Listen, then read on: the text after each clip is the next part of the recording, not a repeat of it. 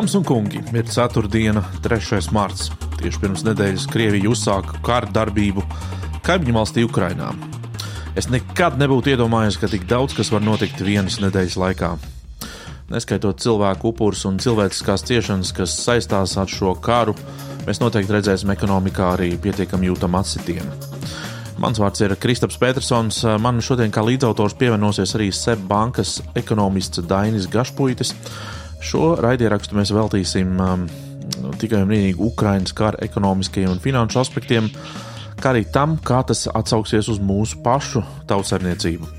Šodien dzirdēsiet viedokļus no Eiropas politikas pētījuma centra analītiķa Edvarda Lukas, Latvijas bankas ekonomista Ulda Rutkastes, Latvijas Investīciju un attīstības aģentūras vadītāja Kaspara Roškalna, Rīga biznesa skolu MBA programmu vadītāja Alda Greitāna, Pie mums viesosies arī uzņēmēji. IT sektoru pārstāvēs Accenture Baltics izpildirektors Maksims Jegorovs, farmāciju, Olaņa farma valdes priekšsēdētājs Jānis Buks, pārvadātājs mūsu pagājušā raidieraksta viesis Ilgvars Abelītis, importa-eksporta kapitāla vadītājs, kā arī Latvijas pasta starptautiskā biznesa vadītājs Andris Eglājs. Cienījamie skatītāji, es gribu sākt ar tādu kā galveno ziņu apkopojumu par visām sankcijām, un uh, arī Dainis ir pievienojies Čaudaini. Sveicināti skatītāji, sveiks Kristap!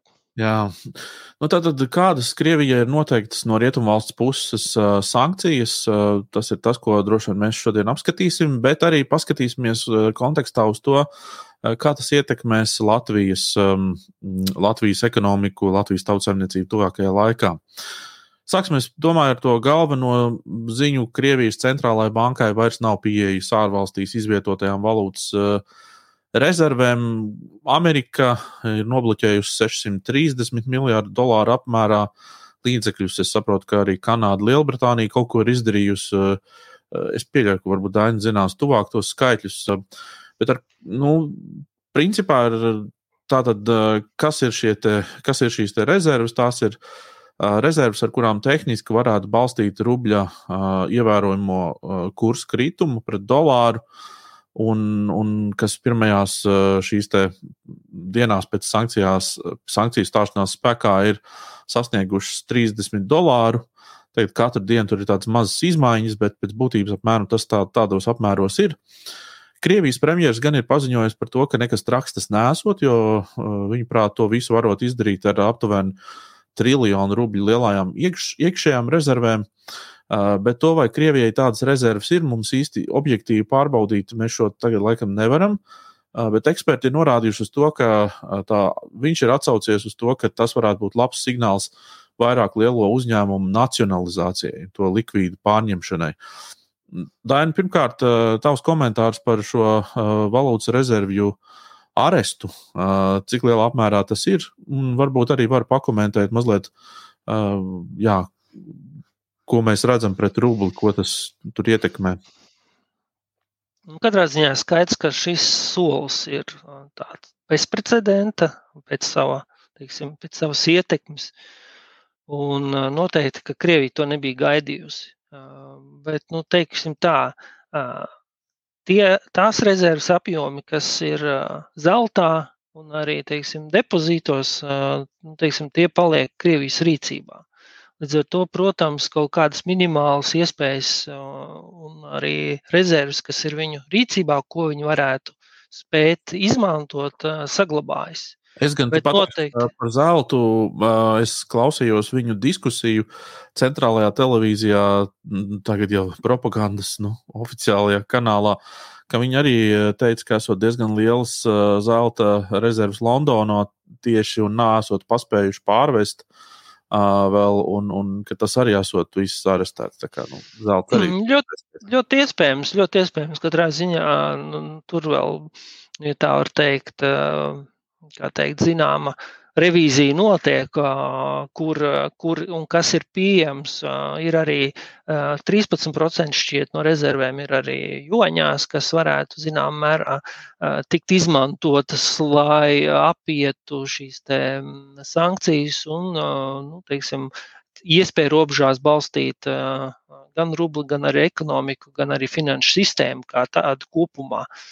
Bet ir skaidrs, ka tie resursi ir krietni mazāki nekā ar ko reiķinājās pati Krievija, kas nozīmē arī to, ka tas burtiski arī izgāž visus viņu scenārijus tam, kā viņi būtu iedomājušies pārvarēt sankcijas, ko viņi noteikti teiksim, tā, sagaidīja no rietumiem, bet nu, katrā ziņā ne tādā apmērā. Jā. Vai tu ir sagaidīji, ka varētu tikt nacionalizēti kaut kādu privātie uzņēmumu Krievijā? Es domāju, pilnīgi noteikti, jo tas ir um, viens no veidiem, pirmām kārtām. Tā varētu būt kā pretreakcija uz rietumu sankcijām, kad varētu tikt uh, pārņemt nacionalizēti to valstu kapitālu, kapitāls uzņēmumi, kas nu, teiksim, vērsīsies pret Krievijas uzņēmumiem, jeb teiksim, tiem pašiem oligarhiem, tā tālāk, kā tā varētu būt tāda nu, nosacīta pretreakcija, atriebība. Ja? Gan arī noteikti, ka tas būs nepieciešams, lai paglābtu, piemēram, atsevišķus uzņēmumus, kas ir valstiski svarīgi no bankrota. Ja, jo Nu, protams, ka te var runāt, cik viņi ir privāti vai nē, bet ļoti daudz šie strateģiskie uzņēmumi ir nu, ne tikai teiksim, Krievijai svarīgi, tie jau arī ieņem zināmu lomu globālajā ekonomikā. Tā kā, protams, ka viņi apzinās to resursu aktīvu vērtību un līdz ar to noteikti būs pat arī spiesti pārņemt daudz, daudz uzņēmumus un, un ne tikai uzņēmumus. Ja. Arī zināmā mērā lai glābtu ekonomiku, es domāju, var tikt arī mm, ieviesti tādi ārkārtas pasākumi, kā arī nu, teiksim, uzkrājumu nacionalizācija, respektīvi, zināmā mērā tos nu, teiksim, izmantojot nu, dažādu teiksim, mērķu vārdā, lai, lai, lai stabilizētu ekonomiku vai, vai teiksim, izmantotu tiem pašiem tēriņiem, teko, tekošiem tēriņiem. Jā. Tā kā, es teiktu, tur mēs vēl redzēsim ļoti drastiskus soļus, ja, bet, bet šobrīd es teiktu, Jā, vienīgais, vis... vienīgais, ko vēsture parāda, ir, ka tādos gadījumos, kad tiek šādi uzņēmumi nacionalizēti, tas atpakaļceļš faktiski nav vairs iespējams. Ir jāveidojas jauniem uzņēmumiem, jaunai ekonomikas principā paaudzei, tur, kas, uh, kas jau tie, kas tiek nacionalizēti, viņi visticamāk arī vai nu, vai nu tiek izsaimniekoti un, un, un tā, vai tiek kaut kā pār, pārgrupēti, pārorientēti. Un, principā viņi tiek izsūkti savus. Nu, tā īsumā. Mm -hmm. Tiesa, bet mēs jau redzam, ka Krievijā tas, tas ir noticis arī caur šo privatizāciju. Tas nedaudz varbūt notika tādā veidā, ka viņi tika privatizēti ar teiksim, tādu uh, nu, Kremļa un tā apkārtējā loka teiksim, personu interešu vārdā. Ja? Un tad tādā veidā tas tika privatizēts. Mēs redzam arī, ka tā koncentrācija, kas ir teiksim, tās labklājības, turības koncentrācija Krievijā ir ārkārtīgi augsta. Ja, respektīvi, līdz ar to tā nacionalizācija, nu, tas arī skartu visticamāk uh, tikai uh, nu, tos pašus oligarkus. Jā, nu, 1% no 1%. Jā, nu, visticamāk arī, ka valsts šaubos vai iesaistīsies tur uh, mazo un sīko uzņēmumu nacionalizācijā. Current situation and current affairs in uh, in this war. Uh, what is your take and uh, uh how we should behave um, in towards Russia at this moment? Attack on Ukraine has changed the world in a way that is terrible for Putin, but unfortunately not terrible enough. Um, so he's um, woken up Germany, united Europe, revitalized uh, NATO, um, restored American um, involvement in European security, and produced an enormous um, public recognition of the, in, in the, across all of Europe of the um, importance of Ukraine. None of that's enough to save cities like Kiev and Kharkiv from being turned into Aleppo, and impossibly that all of Ukraine being turned into Aleppo. So, although we've done a lot, we need to do much more. And this ends really, I think, only with the fall of the Putin regime. And so that's what we need to work for, whether it's uh, through the collapse of the military, through the collapse of the economy, through public um, unrest in Russia, or through a palace coup. Those are the four main ways. I think there's a chance that we get some kind of Chinese pressure on Putin and although I'm deeply um, hostile to the Chinese Communist Party, it may be that pressure from Xi um, could um, make him withdraw, and that would be a, a that that's another option. But I, am skeptical about whether that will work. Mm-hmm. Ukraine's accession to European Union and this fast uh, track path. Uh, how do you think is this a real real scenario, or it's just like a well, I mean, accession to the European Union means uh, uh, adopting and implementing the acquis. And as Latvians know, that's not a simple process. So I, I think you if, if to, to, join the European Union in the sense that Latvia joined the European Union or you know, Romania or Bulgaria or any of the other um, is is always going to be a long, slow process because you have to go through a, a huge number of bureaucratic and administrative changes which um, don't happen overnight and certainly not in wartime conditions. I've always felt that EU accession should start with the political acceptance and then with the administrative implementation. So I think it you know, might be time for the EU to rethink what accession means. But again, that won't be a quick process either because it's governed by um, treaty and the EU is fundamentally a legal organization. It's a, a vast body of laws with agencies that implement them. Um, but I, I, strongly welcome the political, at the political level, the idea that Ukraine is going to join the EU. Um, I just wish we'd done it 10 years ago. Um, if we come back to the collapse of Putin's regime, um, is this possible with uh, economic sanctions that are already po- uh, posted to, to, to Russia? I think the economic sanctions are far more effective than I'd ever dared to hope. The central bank um, freezing freezing the central bank assets has been a devastating blow and has frozen Putin's war chest. That's really important. And the sporting sanctions are a big blow to Putin. His remember his regime rests on two legs. One is prestige, the idea that Russia is a serious country that's been taken seriously, and the other is stability, the idea that today will be like yesterday and tomorrow will be like today. And those are both huge contrasts to the chaos and humiliation that Russians felt in the 1990s.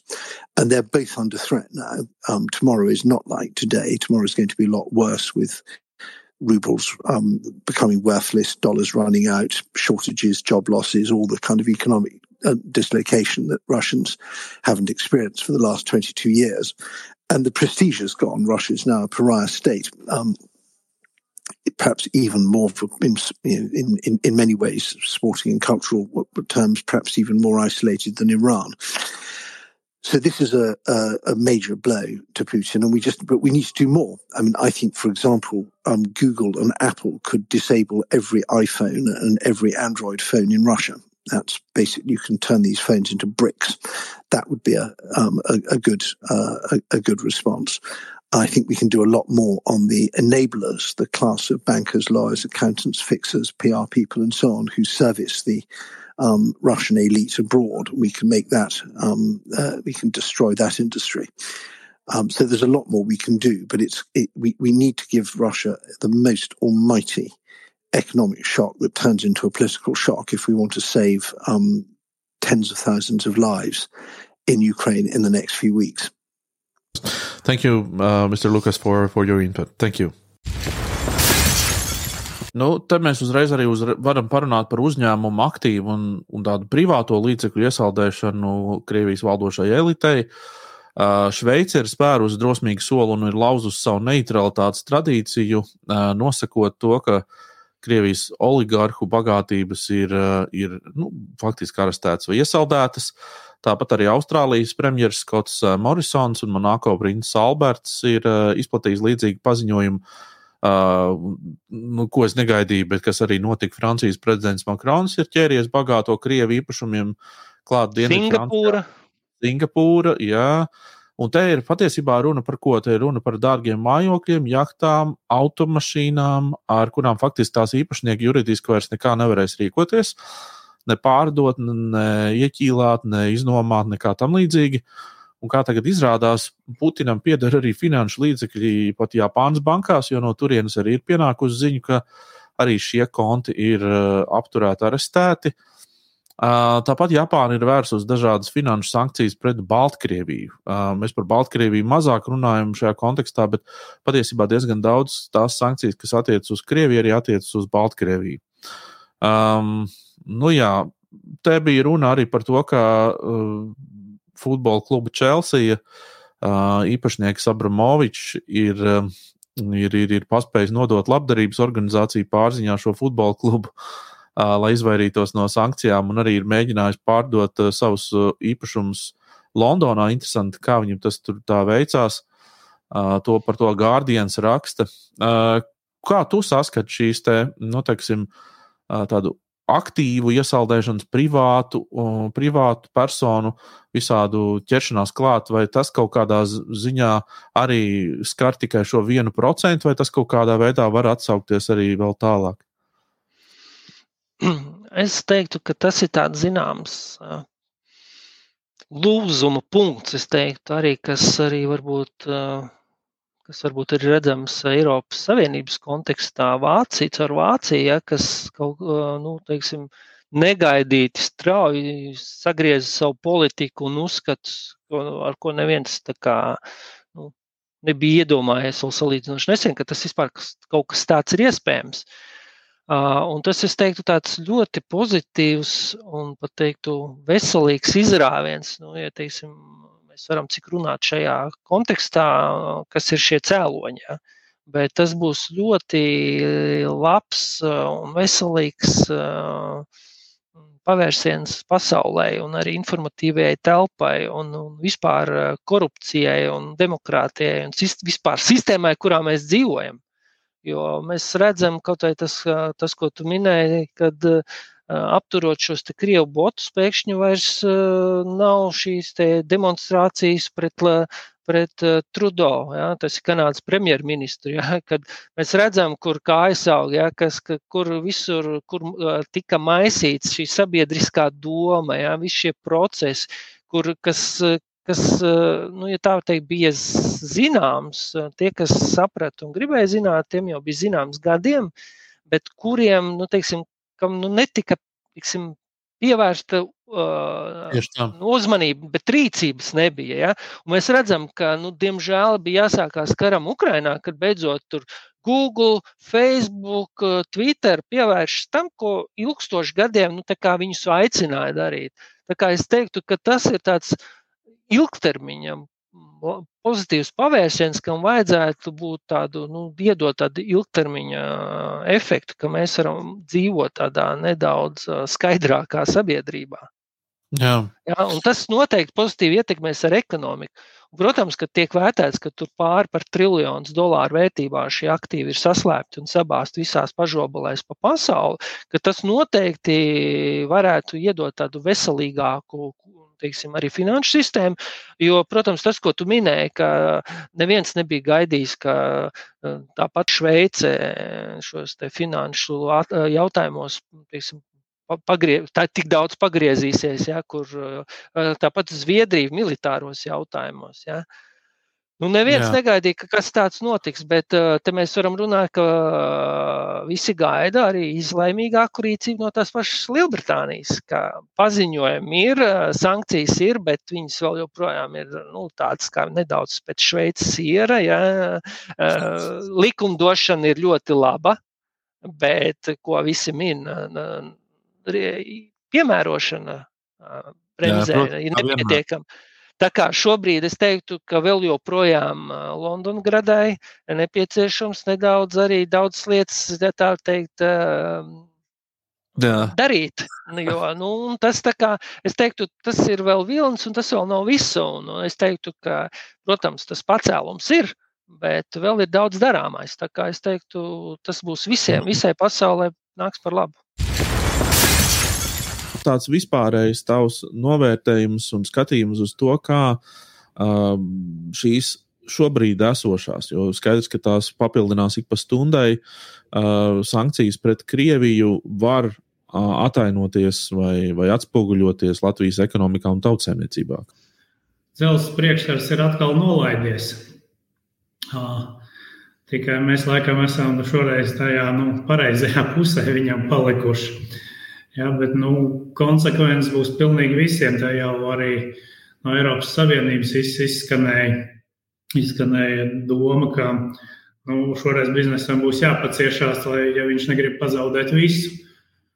Jā, nu, principā, no tā filozofiski izsakoties, nu, domāju, ka uzņēmē darbībā pa lielam tāda Krievija ir jāaizmirst. Jā, un, tas seks, es domāju, vēl ilgi parādīsies gan teiksim, primāros efektos, jo kaut kur tur tā Krievija ir uh, nu, tiešā veidā piegāžu vai noiet ķēdē. Un tad vēl būs arī kaut kādas sekundārās sekas, proti, tā tad, nu, nezinu, kaut kur tālāk Eiropā tā Krievija ir piegāžu vai, vai noiet ķēdē, un tad vēl tie efekti nu, atnāks līdz mums pat tām pašām nu, piegāžu ķēdēm. Es sāku atkārtot vienu un to pašu terminu. Jā, bet, uh, Man tā ātrumā patiesībā grūti ir iedomāties, kur varētu būt tā nozara Latvijā, kur tas neaizķers. Uh, saki, kā šobrīd uh, nu, Lijāka organizācija ir uh, reaģējusi uz šo, uz šo situāciju, uz šo karu, un kādus jautājumus tu saņem no uzņēmējiem Latvijā? Nu, faktiski jāsaka, ka, mm, ja mēs skatāmies tad, tad pašā, pašā sākumā, tas tātad vēl sanāk pagājušajā nedēļā. Mēs uzsākām koordinēt kopā ar ekonomikas ministriju uzņēmumu šo informāciju par iespējamām pārāvumiem piegādes ķēdēs to, kas ir tās importa preces, ko viņi līdz šim ir saņēmuši un ko, ko viņi var, iespējams nevarēs iegādāties. Jo tajā brīdī bija skaidrība par potenciālām sankcijām, bez, bez skaidrības par to, kādas būs šīs sankcijas. Un, protams, arī, arī, arī tālāk par koordinējot uzņēmumus par, par šīm potenciālajām darba vietām, kuras, kur, kuras balstot teiksim, šos te iespējamos bēgļus tajā brīdī, uh, kuras ražotāji, mūsu eksportētāji būtu gatavi piegādāt. Un vakardien mēs saņēmām arī ministra prezidenta rezolūciju, kurš faktiski ir, ir, ir šie paši punkti diezgan skaidri definēti par to, ka mums ir jāpalīdz mūsu uzņēmumiem pārorientēties no Krievijas un Baltkrievijas importa, un par to, ka mums ir kopā ar atbildīgajām institūcijām, tajā skaitā ārlietu ministriju, ekonomikas ministriju, iekšlietu ministriju, pilsonības migrācijas lietu pārvaldi. Jā, jā, jāizvērtē iespējas un, un arī jāizveido šis vienots kontaktpunkts par uzņēmumu, kuris, kuros ir ārvalstu kapitāls relocēšanu no Baltkrievijas un Krievijas uz, uz, uz Latviju. Jā.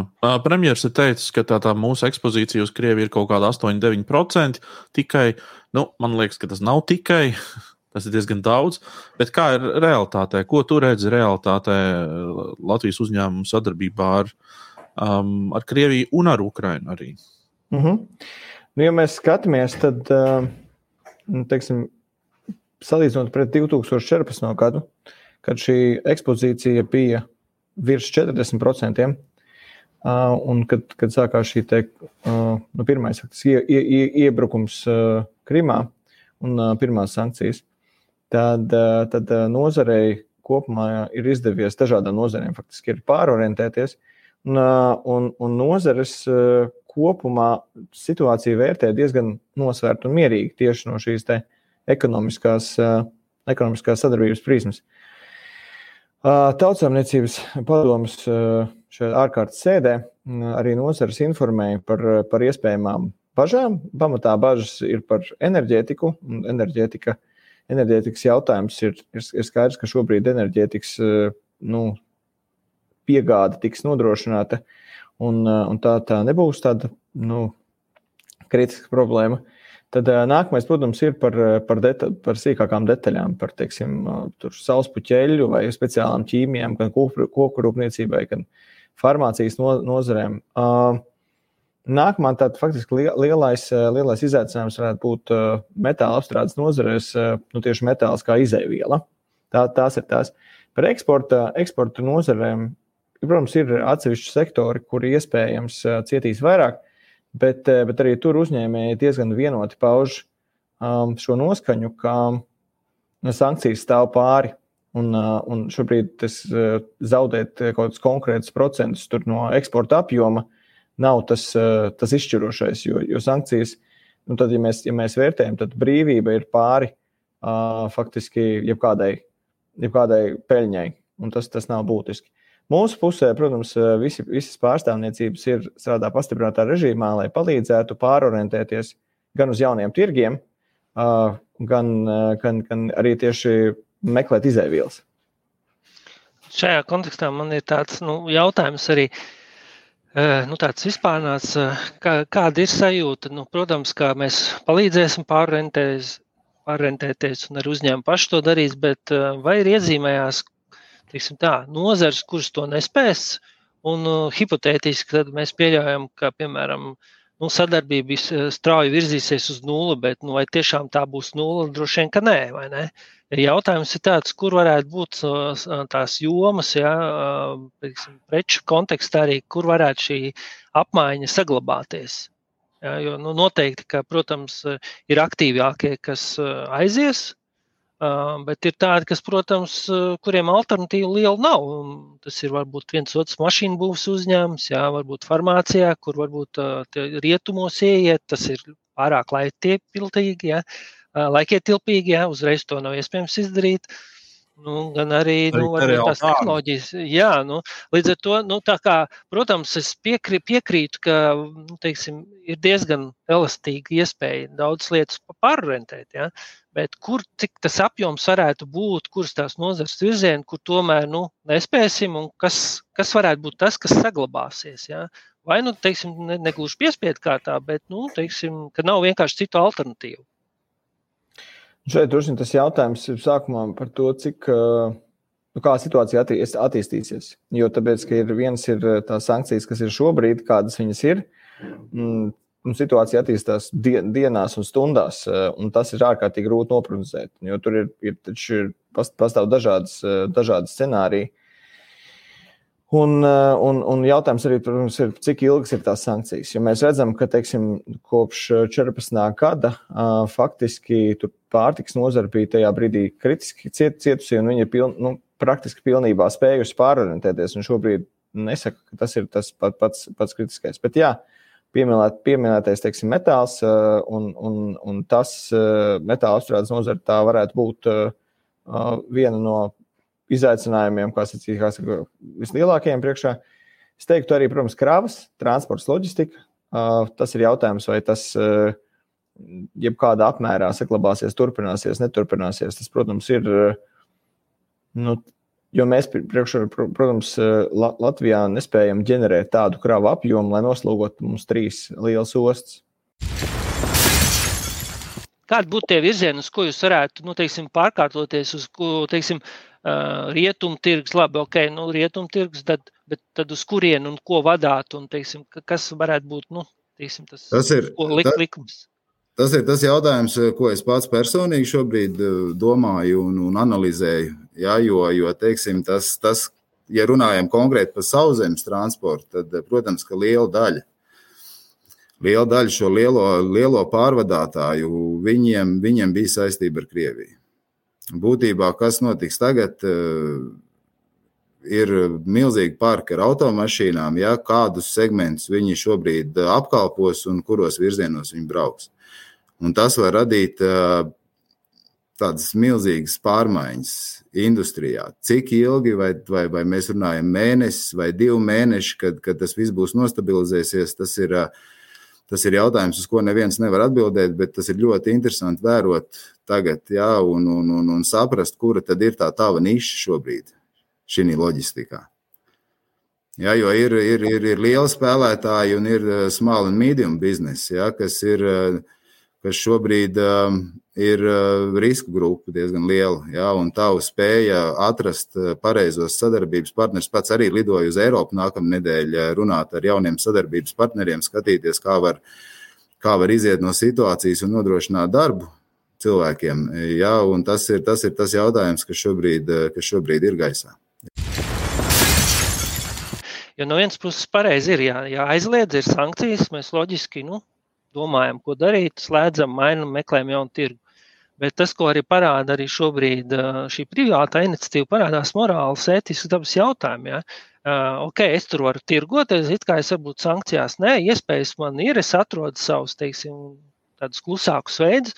Tad jautājums, kā, var, kā, kā, kā, kā jau šobrīd reaģē un kā varētu atstāt tā ietekmi arī uzņēmējiem, ja, jo varbūt šīs sankcijas nu, visu nenoklāj šo laukumu, ja, mhm. bet būs katrā valstī uzņēmuma nozars, kas, kas, kas, kas turpinās sadarboties, kā šo jautājumu vērtēt. Un kā es domāju, arī pašiem uzņēmumiem droši vien ir tāds diezgan retorisks jautājums, ko tagad darīt. It kā ok, es vēl varu darboties, ja, bet vai vajag un kā man teikt vērtēt? Tas reputācijas jautājums paceļās ļoti būtisks. Ja? Mhm. Ko, kāds būtu jūsu vērtējums šajā kontekstā un padoms? Nu, manuprāt, tas, eh, tas, tas, tas, tas, ko mēs eh, kopā ar ekonomikas ministriju strādājam, ir, eh, ir uzlabot šo atbalsta instrumentu pārorientācijai. Tad tas ir grants, kur, kurš jau šobrīd ir pieejams ar 50% intensitāti līdz 40 tūkstošiem eiro, lai meklētu šos tirgus. Jo, jo tirgus jau noteiks. Un tajā brīdī, ja uzņēmums turpina sadarboties ar agresoru un, un pārējā pasaule atsakās no, viņas, no viņa precēm, tad, tad ir pat, tās, ir, tās ir patiešām liels sankcijas. Nu tā. un, un līdz ar to mēs arī redzam, ka uzņēmēji nu, arī proaktīvi iet prom no tirgus, kaut arī varbūt tās vēl sadarbība ir iespējama. Lai, lai, lai distancētos no tā, un, un es varu tikai atkārtot to, ko jau, jau teica faktiski šīs asociācijas, kad šobrīd tas, tas nav vispār jautājums, vai, vai sadarboties vai nē. Uh, ir skaidrs, kategorisks nē, un, un, un meklējam, ko citu, ko darīt. Un tad ir tas jautājums, tas, tas, protams, būs. Nu, droši vien nedēļu jautājums, pāris nedēļu jautājums, kad būs skaidrs, kāds ir tas modelis, un tad, tad, un tad mēs varam ilgtermiņā strādāt. Mūsu pusē ir jābūt gataviem scenārijiem, rīcībām, dažādiem modeļiem, cik mēs, mēs ātri spējam, spējam adaptēt un, un atbalstīt tos mūsu uzņēmumus. Tas varbūt tas, tas sarežģītais šobrīd, ko es redzu ir saprast, ka patiesībā šobrīd ir tieši ļoti aktīvi eh, jāmeklē eh, gan investīcijas, gan, eh, gan sadarbības partneri pasaulē. Jo, jo tas, cik ļoti mēs, kā aģentūra, spēsim palīdzēt mūsu uzņēmumiem pārorientēties gan no izēvielu viedokļa, gan no eksporta viedokļa, palīdzēs izturēt to sankciju ietekmi ilgtermiņā. Nu, jo lielākas būs sankcijas un uzņēmējiem būs grūtāk, jo grūtāk viņiem visu laiku nāksies sev pamatot, ka nu, ka tas ir jāturpina. Un līdz ar to, jo mēs ātrāk viņiem palīdzēsim atrast jaunu tirgu, ka viņi pēc iespējas mazāk zaudēs, tas, viņi spēs šīs sankcijas daudz vieglāk ilgtermiņā noturēt. Un mēs nevaram paredzēt, cik ilgi viņas būs jānotur. Un, Jā. un tas, tas ir tas, man liekas, ļoti būtiskais. Kas par saka par investīcijām? Tu pieminējies, um, bija arī ziņa šodien vai, vai vakar bija ziņa par to, ka nu, ekonomisti arī ir pateikuši, ka šobrīd cilvēki pieturēs naudu un uh, potenciāli var aizkavēties arī lielāku investīciju projektu nu, par miljoniem un tā tālāk uh, veikšanu. Kā tu uz to skaties, cik vienkārši sarežģīti būs šis tagad navigēt to visu? Respektīvi, nu. interese no, no ārvalstu investoriem ir mazinājusies, pieaugusi vai nu, pagaidām ne, nereaģē uz, ne, uz to notiekošo. Interese šobrīd ir pieaugusi. Interesi ir tieši pieaugusi. par ko? Jā, uh, nu par, par iespēju. Protams, ir jā, pārorientācija. Par tie, kuri, kuriem ir investīcijas, kuras ar rietumu kapitālu, rietumu uzņēmumu zem rietumu zīmoliem, ir investējuši Krievijā un Baltkrievijā. Viņi šobrīd aktīvi meklē citus drošus tirgus. Viņi uzskata, tāpēc, ka Baltija ir gan NATO, gan Eiropas Savienībā, ka mēs esam no Baltijas valsts šis drošais tirgus, kas ir relatīvi tuvu. Uh, tas pats ir signāls mums ir arī no, no Rietumē Eiropas, uh, kuri, kuri, kuri ir plānojuši vai bija plānojuši investēt uh, kādā no šīm valstīm, kas ir, kas ir teiksim, uh, vai nu Baltkrievija vai, vai, vai Krievija. Mēs esam bijuši teiksim, viņu īsajā listē, bet, uh, bet, uh, bet uh, pirms šķietam bija izvēlēta cita valsts, tad viņi, šobrīd jau ir vairāk signāli, kur sazinās, ka nē, ka tomēr būs, būs Baltijā, un, un tas ir tajā skaitā arī Latvijā. Mm. Mēs ar uzņēmēju Maksimu Jegorovu arī runāsim. Es zinu, ka viņa viena no lietām, par ko viņš vienmēr ir izteicies, ir, ka trūkst šī darba spēka. Nu, nav, nav jau tas, kas var tās investīcijas pretī paņemt. Nu, kā saka, vai ir iespēja ātri šo kaut kā risināt? Jā, nu darba spēka jautājums droši vien tas ir tāds ārkārtīgi sarežģīts un šeit šobrīd arī ļoti, ļoti jūtīgs. Proti, ka, protams, mums būs uh, bēgļu piepildījums no Ukrainas. Uh, un, un jautājums šeit ir vairāk par ētiku, cik mēs uh, redzam šos cilvēkus kā ilgtermiņā vai īstermiņā nodarbināmus, un cik viņi ļoti gribēs braukt atpakaļ, tad, kad viņiem tur mājās viss, viss būs mierīgi. Tā kā tur arī ir ļoti daudz, ja tas konflikts ilgs un viņš ir ļoti ilgs, tad droši vien tas ir nu, viņi gribēs, eh, gribēs turpināt, eh, turpināt dzīvot mierīgā vidē. Ja tas konflikts būs eh, īss un, un, un būs jāatjauno teiksim, šie te, nu, Ukraiņas infrastruktūra, tad, tad visticamākais tur gan Eiropa viņam līdzēs, gan, gan, gan arī cilvēki gribēs atgriezties. Tas, tas, protams, ir tāds jautājums, kas šobrīd nav viennozīmīgi atbildams. Um, mēs redzam, ka, protams, no, no Baltkrievijas nu, teiksim, IT uzņēmumi vēlas pārcelties, un nu, viņu darbinieki pārsvarā ir Baltkrievi. Un tad ir jautājums, e, vai mēs varam, nevaram, cik, cik, cik to ātri, cik, cik, cik neātri, jo tur arī, protams, ir riski. Jo mēs no mūsu investīcijas attīstības aģentūras viedokļa jau nevaram novērtēt šos riskus. Tāpēc arī mums ir šī premjera rezolūcija izstrādāt to vienas pieturas aģentūru, kur tad ir sadarbībā ar visām iestādēm, tad saprast, kāds modelis, kā mēs šos cilvēkus nu, apzināmies, ka, ka tas ir tas, kas ir, ka viņi ir pro-eiropieši noskaņoti. Un, uh, un, un tas, tas, protams, ir tāds, uh, nu, tas, tas ir gan risks, gan iespēja vienlaicīgi, kurš ir jāizvērtē un, un, uh, un jāspēj pieņemt lēmumus. Mazliet arī par bankām, pašām bankām, jo Uh, uzreiz pēc pirmajās dienās pēc uh, kara darbības sākuma, uzreiz jau tika runāts par SWIFT uh, banku savienības, noteiksim, nu, Krievijas banku izslēgšanu no šīs banku savienības. Krievijas mēdījos es paskatījos, īstenībā savā ziņā viņi par to pas, pasmīkņā un, un tā, un, kā saka, pret to izturās tā ļoti uh, nu, tā kā nu, rietumos par to kaut kā tā ļoti runāja par, tās, par to Swiftu, bet Krievija tā, tā ļoti uzņem tā, tā bez, bez tāda liela stresa. Jo pēc būtībām viņ, faktiski tas, kas, tas, ko tas ietekmē, ir vienkārši rada tādus starptautiskiem pārvedumiem, varbūt nu, tādas problēmas, kas uh, ir nevis tā, ka viņi nevar notikt līdz galam, bet viņi vienkārši var ieilgt ļoti. Nu, uh, jo pēc būtības pastāv jau arī tur citas tās komunikācijas sistēmas. Un, un, un, un varbūt nu, kādreiz, kādreiz zin, kā tagad notiek šie zibu maksājumi, jeb ātrās tās apmaiņas un tie klīringi. Tad tagad faktiski tas, kas ar Krieviju būs, nu, tur gaidīs to pārskaitījumu, varbūt kaut kādas nu, 4, 5 dienas, varbūt nedēļu. Bet pēc būtības, nu, pēc būtības tas var notikt joprojām. Uh, Um, tālāk, tas, kas notika arī ar uh, Visa un Mastercard, es uh, Dainim droši vien uh, aicināšu komentēt. Uh, proti, viena lieta ir, ka viņi ir ierobežojuši jaunu karšu izplatīšanu Krievijā. Uh, un, un, un šis varētu šķist sāpīgs solis pret patērētājiem, taču patiesībā tas nozīmē tikai to, ka bankas mm, nevarēs izsniegt jaunas uh, kartes, un iedzīvotājiem, iedzīvotāji joprojām varēs ar tām norēķināties iekšpusē. Tātad Krievijas iekšienē maksājumi ar kartēm var notikt.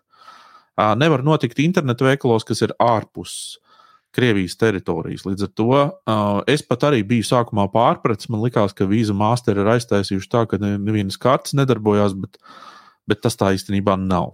Līdz ar to, nu jā, Krievija, Krievijas mēdīni mazliet tā kā par to iesmīg, iesmējuši, iesmīgņājuši par to, ka nu, šīs jau nav nekādas lielas sankcijas, ko tad jūs te.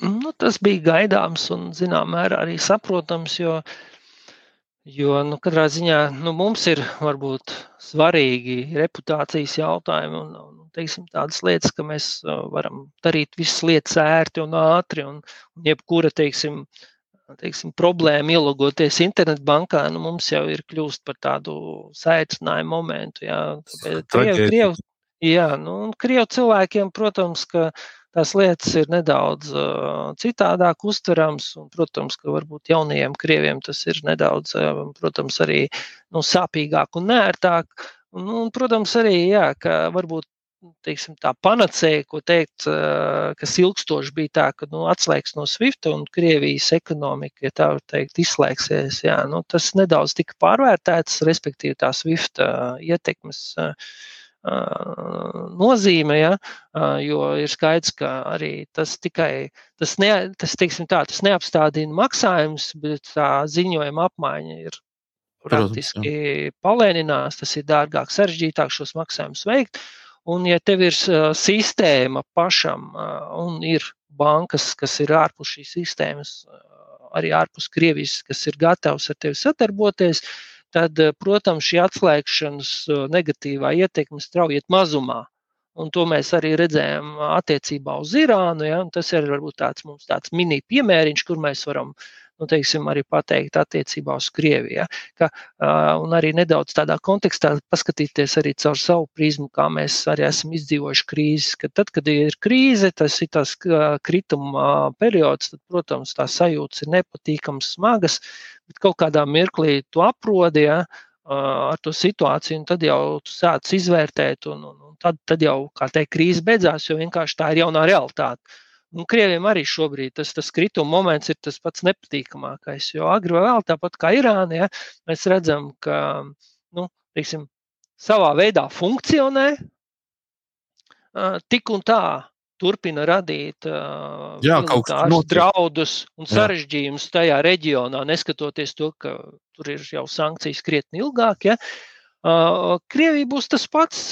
Cits jautājums vienkārši, vai tu gribi dzīvot, teiksim, teiksim tā, kā mēs šobrīd mīlam teikt, cilvēku cienīgu dzīvi, vai vienkārši teiksim, eksistēt teiksim, kaut kādu šo ģeopolitisko ambīciju vārdā. Ja?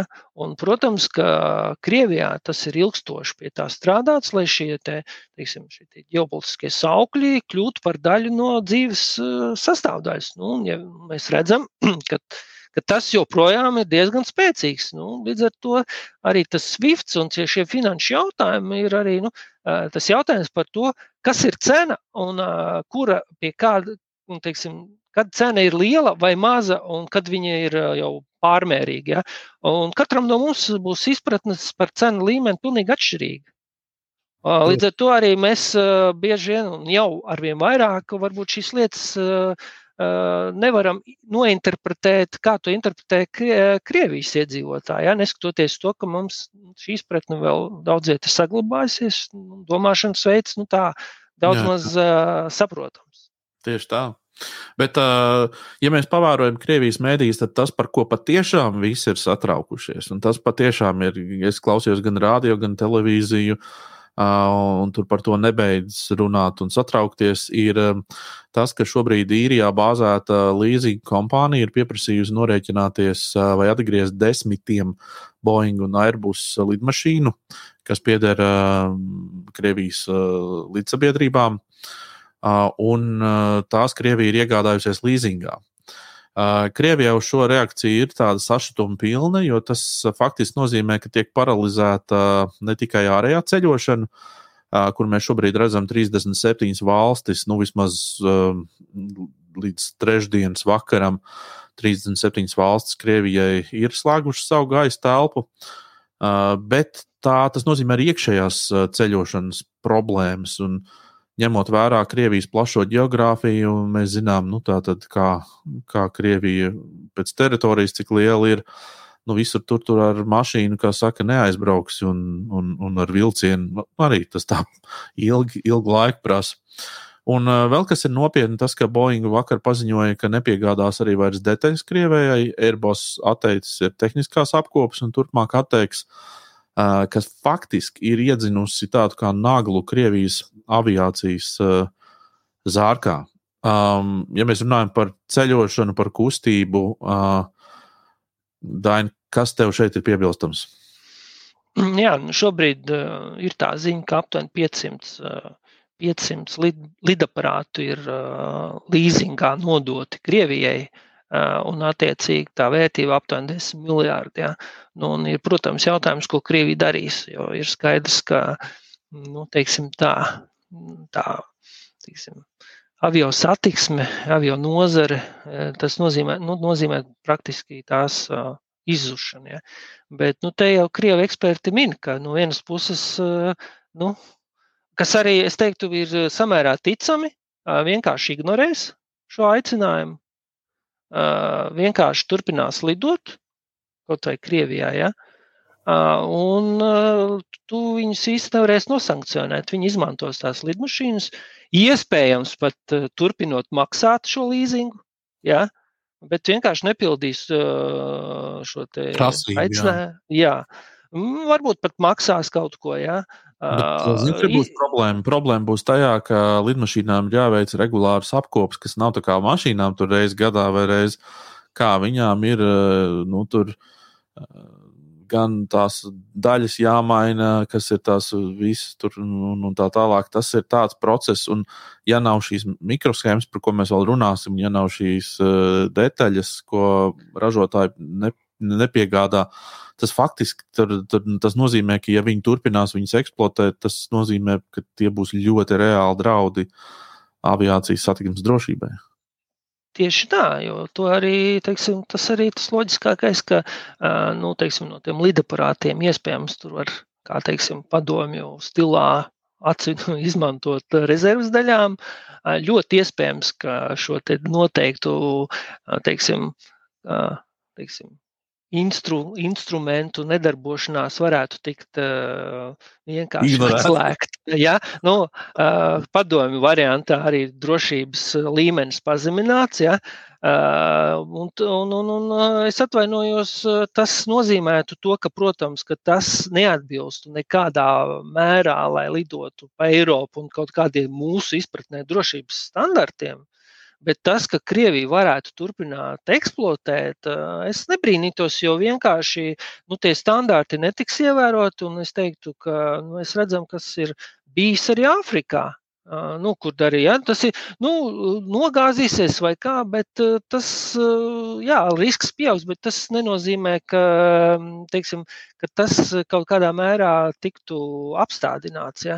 Tā kā es teiktu, ka šādi riski un scenāriji ļoti reāli. Ja? Un, un, protams, ka tas, protams, varētu arī dot zināmu šo iespēju, ka Ķīna iesaistās arī un attīsta, un, un teiksim, vairāk parādās šie te Ķīnas lidaparāti, kur es Jā. teiktu, arī Ķīna būtu diezgan interesēta, jo tas ir papildus, teiksim, papildus patērētājs tirgus, jā, kas, kas varētu dot papildus stimulu. Jā. Nu, protams, ka. Pieci nu... tūkstoši nepaliks. Es domāju, ka es arī neticu tam, ka Krievija aviācija pazudīs, jo tas ir tāds bizness, un to aizlaist Frejā, tur es nezinu, vai ķīnieši to, to atļaus izdarīt. Viņi paņems šo nīšu. Jā, nu es teiktu, tāpēc, un, protams, ka šeit ir runa par to, ka diez vai kad uzplauks pašu krievu avio būvēm, bet noteikti, ka nu, mēs redzam, ka krievu tehnika un teiksim, tie standarti nozīmē to, ka to var eksploatēt ļoti ilgi. Un es teiktu arī, ka šie līzinga lidaparāti ir salīdzinoši jauni ja, un kvalitatīvi, lai viņus varētu eksploatēt iespējams vēl teiksim, tuvākos gadus pievarot acis uz šiem daudzajiem drošības jautājumiem, jā, lai, lai, lai zināmā mērā nu, aizpildītu šos te, teiksim, mm. riskus, ja nebija ja vajadzību. Jā, es jau mazliet pieskāros tematam par mikroshēmām. Tā arī tiek minēta kā diezgan liela skāde. Krievijas mediji šo faktu īstenībā noklusē, bet ir daži blogeri un youtuberi, kas, kas šo ir pavilkuši ārpusē. Uh, Proti, um, izrādās, ka nu, Taivāna arī ir aizliegusi nu, tātad, uh, eksportu tieši kas saistās ar mikročipiem, tiem gudrajiem mikročipiem. Un izrādās, ko es arī nezināju, šādu faktu, ka uh, viņi no Taivānas viņus uh, importē. Uh, es saprotu, ka kompānijas nosaukums ir Elbrus. Uh, un ko tie krievi dara? Viņi tās, um, tos mikročipus paņem un pārsauc uh, savos vārdos. Nu, tā kā atnāk kaut kāda mikročipa partija, viņi tā kā uzlīmē savas tās uzlīmes, un tie skaitās tā kā Krievijas mikročipi. Un valdošai elitei Kremlī visu laiku ir bijusi informācija par to, ka mēs izmantojam savus mikročipus. Tad, tad viņiem ir visu laiku ir stāstīts, ka mums ir savi uh, smart, uh, nu, gudrie mikročipi. Un patiesībā tie ir, tie ir Taivānas. Un tagad, nu, un tagad iznāk tā, ka viņi uh, ir aiztaisījuši to visu ciet. Krievija ir faktiski palikusi bez šīm schēmām. Un, uh, un tas, es pieļauju, varētu ļoti ietekmēt gan ekonomiku, tieši ražošanu, militāro un civilo. Jā, jā. Nu, man liekas, ka tas ir līdzīgi kā ar makaroniem. Ja, kad tu izdomā recepti un kaut ko, teiksim, ko tev vajag, un kas, tas nenozīmē to, ka tev pašam ir jāražo. Ja, tas arī var, man šķiet, ka tas ir ar līdzīgi ar mikroshēmām, noteiktiem teiksim, lietām. Ja. Bet ka, kur ir nianses? Ja? ka vēl gada sākumā ASV brīdināja ražotājus ja, sagatavoties piegāžu pārtraukumiem no Krievijas jo tā, ir ziņojums, ja, ka šie ražotāji ir atkarīgi no Krievijas un Ukrainas materiāliem. Ja, Palādija, Hēlija, Neona, Flora, Skandija. Un 35% no palādija ASV, kas nonāk ASV, ir no Krievijas. Savukārt 90% neona, ja, kas arī tiek izmantots šiem mikroshēmu pusvadītāju ražotājiem, ir no uh, Ukrainas. Ja? Uh, kas nozīmē to, ka uh, nu, šajā kontekstā, ko es gribu teikt, ka, uh, ka tās problēmas uh, arī, nu, teiksim tā, uh, sāk īleni durties ārā. Ja, ka, nu, cik sarežģīti un cik komplicēti ir šī pasaules uh, ekonomika uzbūvēta, ja, uh, ka varbūt Krievija it kā nē, bet uh, ir kaut kādi momenti, kas lien ārā, kas var sarežģīt šobrīd situāciju ar pusvadītājiem. Un mēs zinām jau, ka šobrīd pusvadītāji ir nu, tādā zināmā deficītā, ja, ka šo te, teiksim, resursu teiksim, piegādes traucējumi vēl var pastiprināt šo problēmu, ja, ko mēs saskaramies teiksim, tajā pašā autobūvē un tā tālāk. Nu, cita lieta arī, kad jāsaka uzreiz, ka nu, varbūt arī parādās kaut kāds zināms pozitīvais aspekts tādā ziņā, ka mēs to neizjūtam, jo kamēr droši vien tie BMW un visi, kas, kas bija plānoti Krievijas tirgumu, nonāks Eiropā un varbūt mums, nu, teiksim, būs kādu laiku mēs varēsim tās iegādāties, kas varētu nedaudz to nosegt. Bet katrā ziņā tas, ka šī te atraisīšanās no Krievijas būs, nu, teiksim tā, jo tālāk mēs iesim, jo piņķerīgāk būs. Ja, tas tomēr Vai tavā rīcībā ir kāda informācija par to, vai Krievijai pieder kādas ekskluzīvas ieguves uz kādu no tiem smagajiem metāliem vai metāliem, kurus tu minēji? Nu, ekskluzīvs nē, bet uh, tas ir lielā, viens no lielākajiem piegādātājiem. Piemēram, mēs skatāmies arī tā pati, ko mēs jau aizskārām, šī te, um, avio būve, alumīnijas. Ja? alumīnija iegūs, un, un tas var, tāpēc mēs atceramies arī, kā ASV iekļāva šo te uh, Deripaska laikam piederēja, ja, tas alumīnija. Mm, mm. Nu, viņu izņēma, tāpēc, ka saprata, ka tas ir, nu, ka respektīvi, ka tas iegums neatsver tos zaudējumus ekonomikai un nozarei, ja. Tas pats alumīnijas avio būvēja ļoti nozīmīgs. Tā kā, pa ko es gribu teikt, arī tas, ka mums vēl jāgaida tas precitiens. Un Krievija mēģinās, tas, ko mēs arī šobrīd, šodien laikam bija ziņa, ka Severstaļā apstādīja metāla piegādi. Ja? Nu, redziet, tas, tas arī tas stāsts par to, ka nu, nebūs viss vienkārši, ka, ka, ka, kāpēc ir svarīgi par to runāt un mēģināt risināt, šķetināt un laicīgi to visu apzināt, jo, jo tie krājumi nav, teiksim, pasaulē bezgalīgi, ja? un jebkura, teiksim, pat ja mēs zinām kaut kur tas metāls ir, tā karjeras izstrāde ir pietiekami laikietilīgs process un dārgs. Ja, kā, protams, ka Krievija ir viena no tādiem nozīmīgākajām teiksim, resursu valstīm. Ja, kādēļ, nu, es domāju, viņi arī teiksim, nekautrēsies šo lietu daudzajā ziņā izmantot. Ja. Mm. Nu, kas, kas, kas parāda, šo, parāda šo situāciju, ka viņi ir krietni komplicētāki, kā varbūt mēs skatāmies tikai pēc ziņu virsrakstiem. Accenture Baltics, kā ir uh, reaģējis šajā mirklī uz, uh, uz, uh, uz uh, šo kara darbību varbūt var mazliet pastāstīt. Jums, es saprotu, ir arī darbinieki, ir, ir, ir, ir nu, projekti, varbūt pastāstīt mazliet, kā, kā, kā organizējās šī kārtība šobrīd. Nu, pirmā lieta ir tas, ka mums bija darbinieki, di, trīs tur, un tad vajadzēja viņus izvilkt no kara darbības zonām. tad, tad mums ir arī uh, darbinieki no Ukrainas ar Ukraiņu pilsonību, un tad šiem cilvēkiem ir um, radinieki tur. Uh, un tad mēs strādājam un darām visu, lai palīdzētu uh, tiem cilvēkiem, mūsu darbiniekiem, palīdzēt viņu radiniekiem. Tad, piemēram, viena no lietām, ko mēs izdarījām, ir, mēs, mums ir aplikācija, ar kuras palīdzību cilvēks Ukrainā var saņemt attālinātu medicīnisku palīdzību. Tātad, protams, ka mums ir, mums ir liels oficiāls Krievijā, un tad šīs oficiāls saskarās ar ļoti sarežģītu situāciju. Un tur ir dažāda griezuma sarežģījumi. Ja. Tad viens no piemēriem ir tas, ka ir projekti, kad mēs no Krievijas strādājam uz pieņemsim, Eiropas kompānijām, tā, tā, tagad teiksim, da, daļu no tā darba mums vajadzēs uh, veikt no, no Eiropas Savienības. Uh, tad, protams, ka Krievijas oficiāls ir atrodas tādā nu, sarežģītā situācijā kā oficiāls. Un tad mēs mēģinām palīdzēt tiem cilvēkiem nu, tikt galā ar šo situāciju, nu, cik vien mēs varam. Mm. Tu arī noraksturot oficiālu Krievijā, tas ir liels, daudzskaitlīgs. Jā, tur ir 2000 liekas, cilvēku. Mm -hmm. Um, Būtu plāni arī kādus pārcelt šeit uz Latviju, ir kaut kāda interese izrādīta, vai tas ir pagaidām vēl? Es domāju, ka tas ir ļoti lielā mērā atkarīgs no politiskas nostājas. Jā, es domāju, ka nu, visām valstīm būs jāizšķirās vispirms. Jā. Nu, man pašam ir uh, radinieki Ukrainā zem uh, bombardējumiem. Nu, un, uh, un es pats esmu arī, tā, nu, protams, ka daudz lasu Krievu vidi. Es domāju, ka mēs esam nu, kaut kādā iespējams pāris nedēļu, iespējams pāris mēnešu attālumā no humanitāras krīzes arī Krievijā.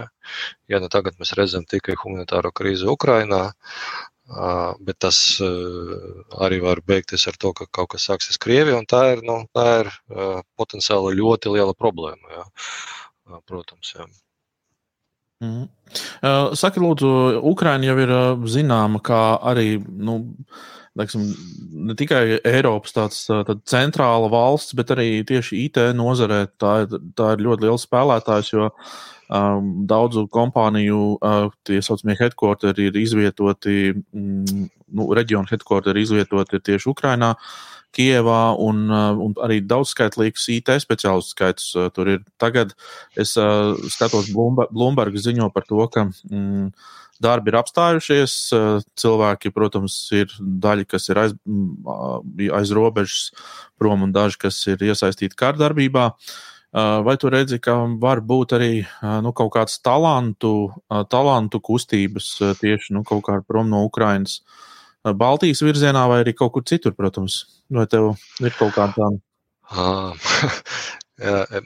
Nu, jā, varētu būt. Es nevaru skatīties uz šo lietu šāda veida, respektīvi. Nu, nu, priekš manis tie ir cilvēki, kuri bēg no kara.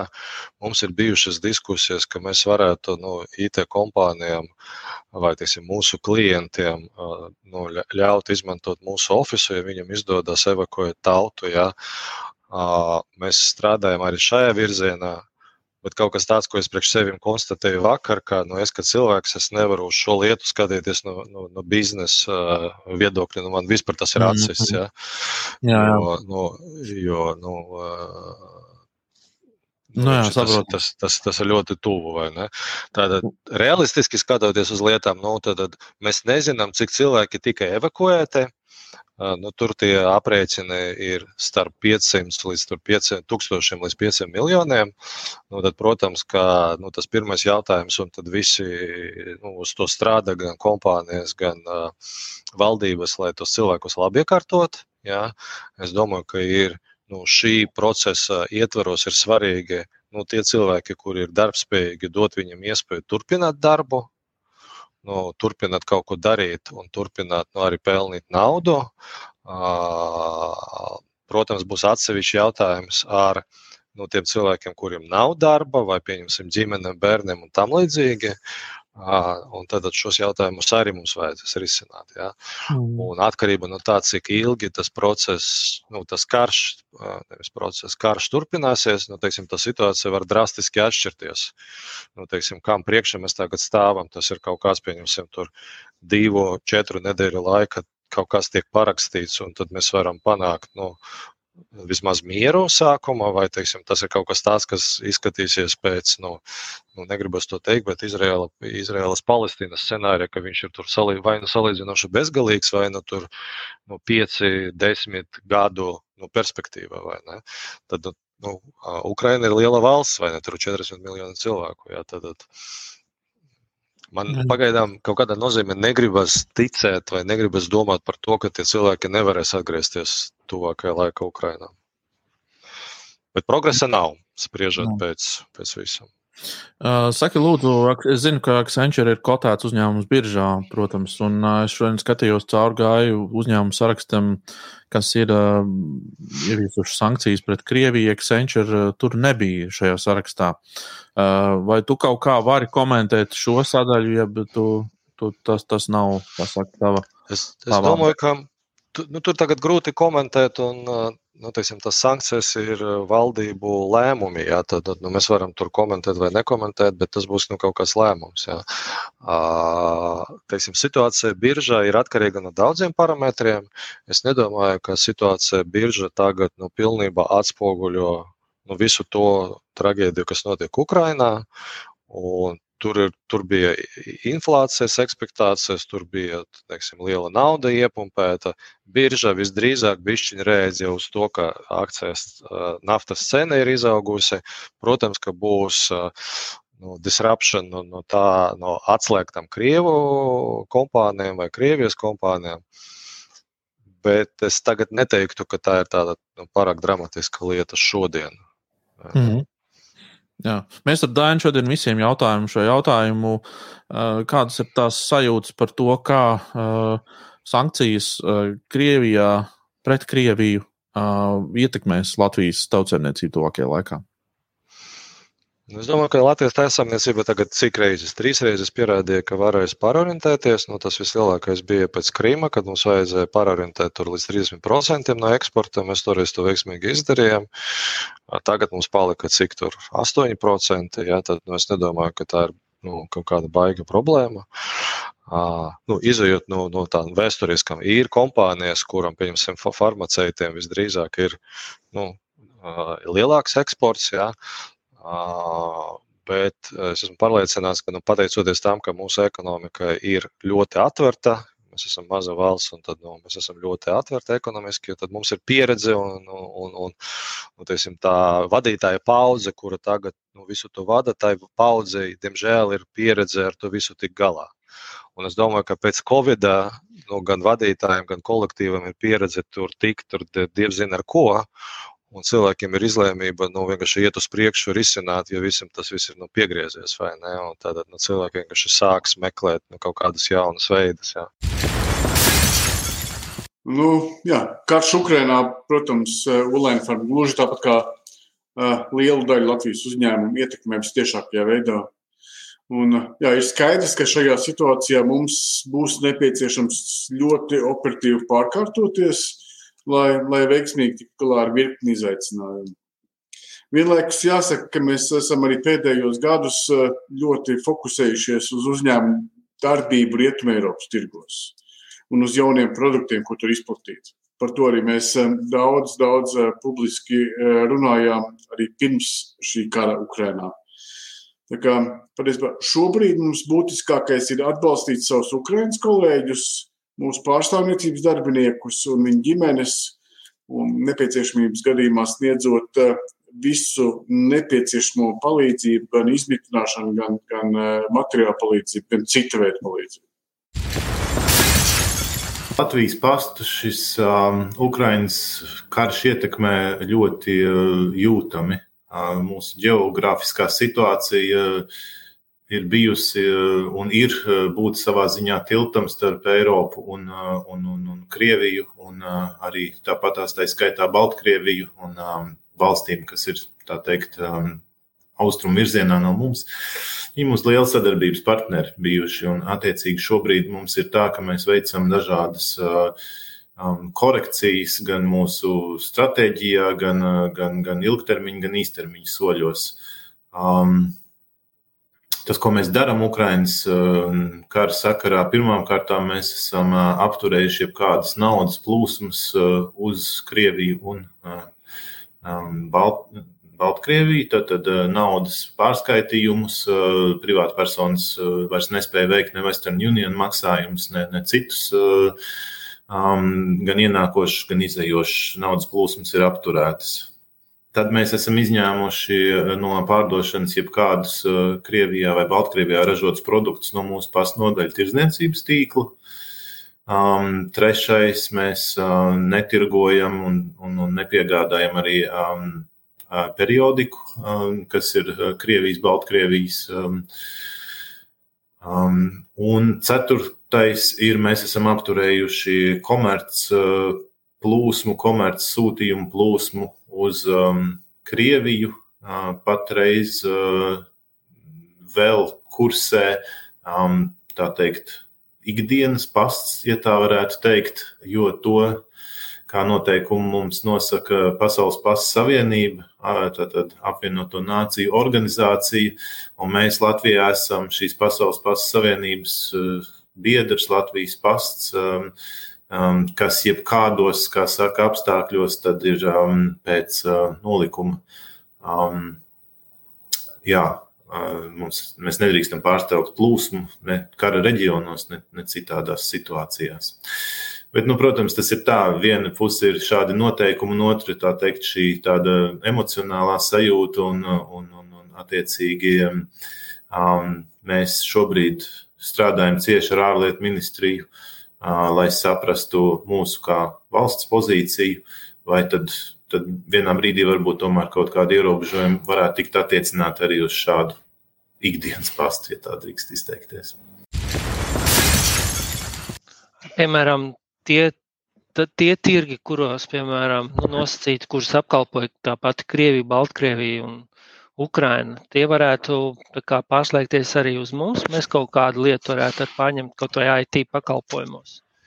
Nu, jā, mēs novērtējam, ka tur ir ļoti daudz IT cilvēku. Jā.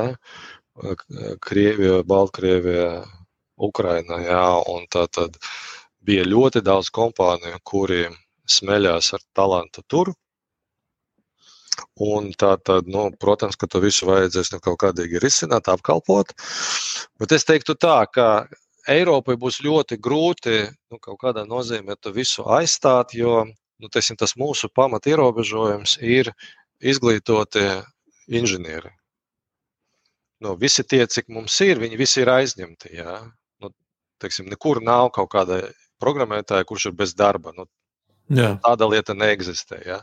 Tad līdz ar to nu, pēkšņi paņemt 100, 200 tūkstošu darba vietu. Nu, mēs vienkārši mēs nevarēsim, mums nav to cilvēku. Ja? Tad mēs varam cerēt, ka daļa no tiem cilvēkiem atbrauks pie mums. No vienas puses, un no otras puses mēs kaut ko izdarīsim ar savu, pieņemsim, augstākās izglītības sistēmu.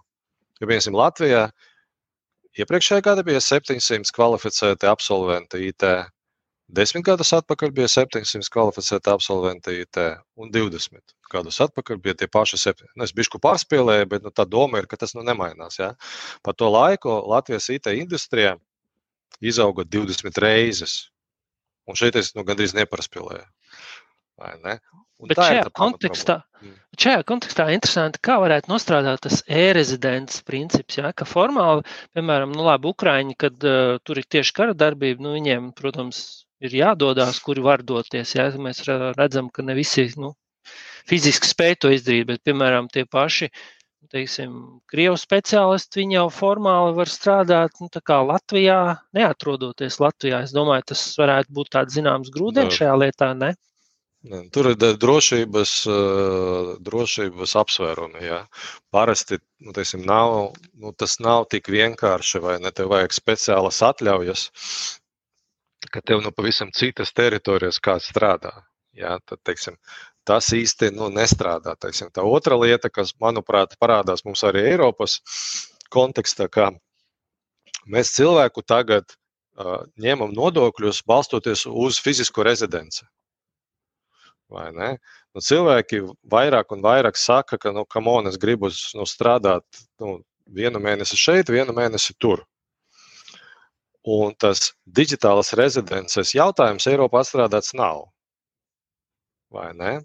Jo, pieņemsim, tas virtuāli un to, tiesim, tā digitāla lieta, ko izdarīja Igaunijā. Tas viss ir forši, bet, nu, pieņemsim, tiem zināšanu darbiniekiem, knowledge workers, nu, tas, nu, tas nepalīdz.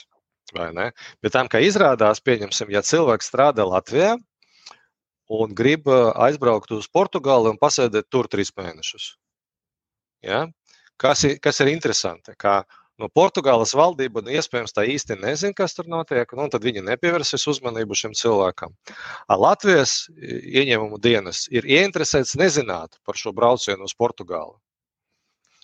Kāpēc? Nu, tāpēc, ka viņi iekasēs nodokļu šeit uz vietas. Un, tad, un kaut kādas tādas check-in procedūras, ka es esmu iebraucis tagad Portugālē un sniegšu pakalpojumus Portugālē, nu nav. Un tad līdz ar to mēs mākslīgi ierobežojam cilvēku plūsmu. Bet tad man ir automātisks jautājums. Tad, uh, tu redzi to kā iespēju, un tā būtu tā kā, nu, teiksim, atrisinām, risinām, vai tas tomēr nu, tāds, nu, uh, ka tā tomēr uh, ideja nelidos. Ja? Respektīvi, ja ir risināms, tad varbūt tā ir uzreiz steidzami jārisina, ja? lai mēs at, nu, iedot jums iespējas uh, nozarēm, cilvēku spēju strādāt.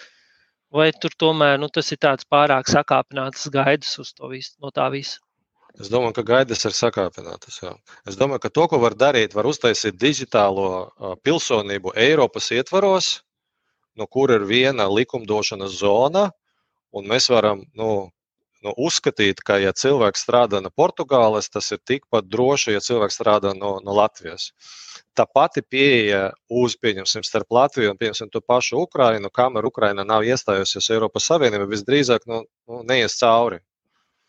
Jo es nevaru klientam, kurš ir, piemēram, liela auto, auto ražotājs, nu, Eiropa teikt, ka nu, vat, mums cilvēki strādā tur visapkārt, vai ne? Nu, viņi grib nu, kaut kādu konkrētiku. Ja? Jā. Attiecībā uz to, vai mēs varam paņemt to tirgus daļu Latvijā, nu, tā viena lieta, ka man ir grūti tagad par to domāt, un tā cita lieta, ka nu, tas ierobežojums vienmēr ir bijis uh, profesionāļu apjoms. Mēs neesam ierobežoti ne ar ko citu. Neesam. Jā, un uh, nevar arī teikt, ka nu, mēs neesam ierobežoti arī ar Latvijas, pieņemsim, emigrācijas likumdošanu. Tā ir ļoti izsverta un tā ļauj augstās nu, pakāpes profesionāļiem iebraukt ar nu, normālu, zināmu birokrātisku procesu, bet viņš ir nu, normāls. Tātad, tad līdz ar to es domāju, ka pirmais ir jautājums, politiskais jautājums, vai mēs esam gatavi atvērt darba atļaujas cilvēkiem no secīgi Ukrainas, Baltkrievijas, Krievijas vai no visiem vai no daļai. Nu, tas ir jautājums, uz kuru jābūt politiskai atbildēji. Otrs jautājums ir par izglītības sistēmu. Mm. Uh, nu jā, diena pēc uh, tehnoloģiju sadaļā tur arī diezgan daudz par uh, ģeopolitiku runā. Šobrīd jau mēs lasām ziņas par to, ka Ķīna ir reaģējusi kaut kādā ziņā Taivāna, kas nepiegādās vairs mikroprocesorus Krievijai, kas faktiski izrādās beigās ir diezgan liela problēma, jo, jo, jo tas tiek izmantots gan militāra, gan civilu um, ražošanā. Uh, vai tu redzi, ka šajā krīzē var nostrādāt, eh, piemēram, ģeopolitisks, teiksim, kaut kāda iejaukšanās no Ķīnas puses, kas, kas nomierina šo situāciju un faktiski atgriež visu to um, tā, kā tas bija pirms tam? Es domāju, ka tas ir labs jautājums, jo tajā pārunu procesa uh, Krievijai nav partneru vairs. Jo visdrīzāk, nu, vismaz spriežot pēc pēc pieņemsim Vācijas parlamenta sēdes svētdien. Viņi nezina, kā runāt un ko nozīmē tas atbildes, ko viņi saņem. Vai ne? Kas ir ļoti, ļoti slikti, jo, nu, jo ātrāk mēs pabeigsim šo karu, jo ātrāk tātad, cilvēki nemirs un jo mazākai ir tā kodola ieroču izmantošanas iespējamība. Ja?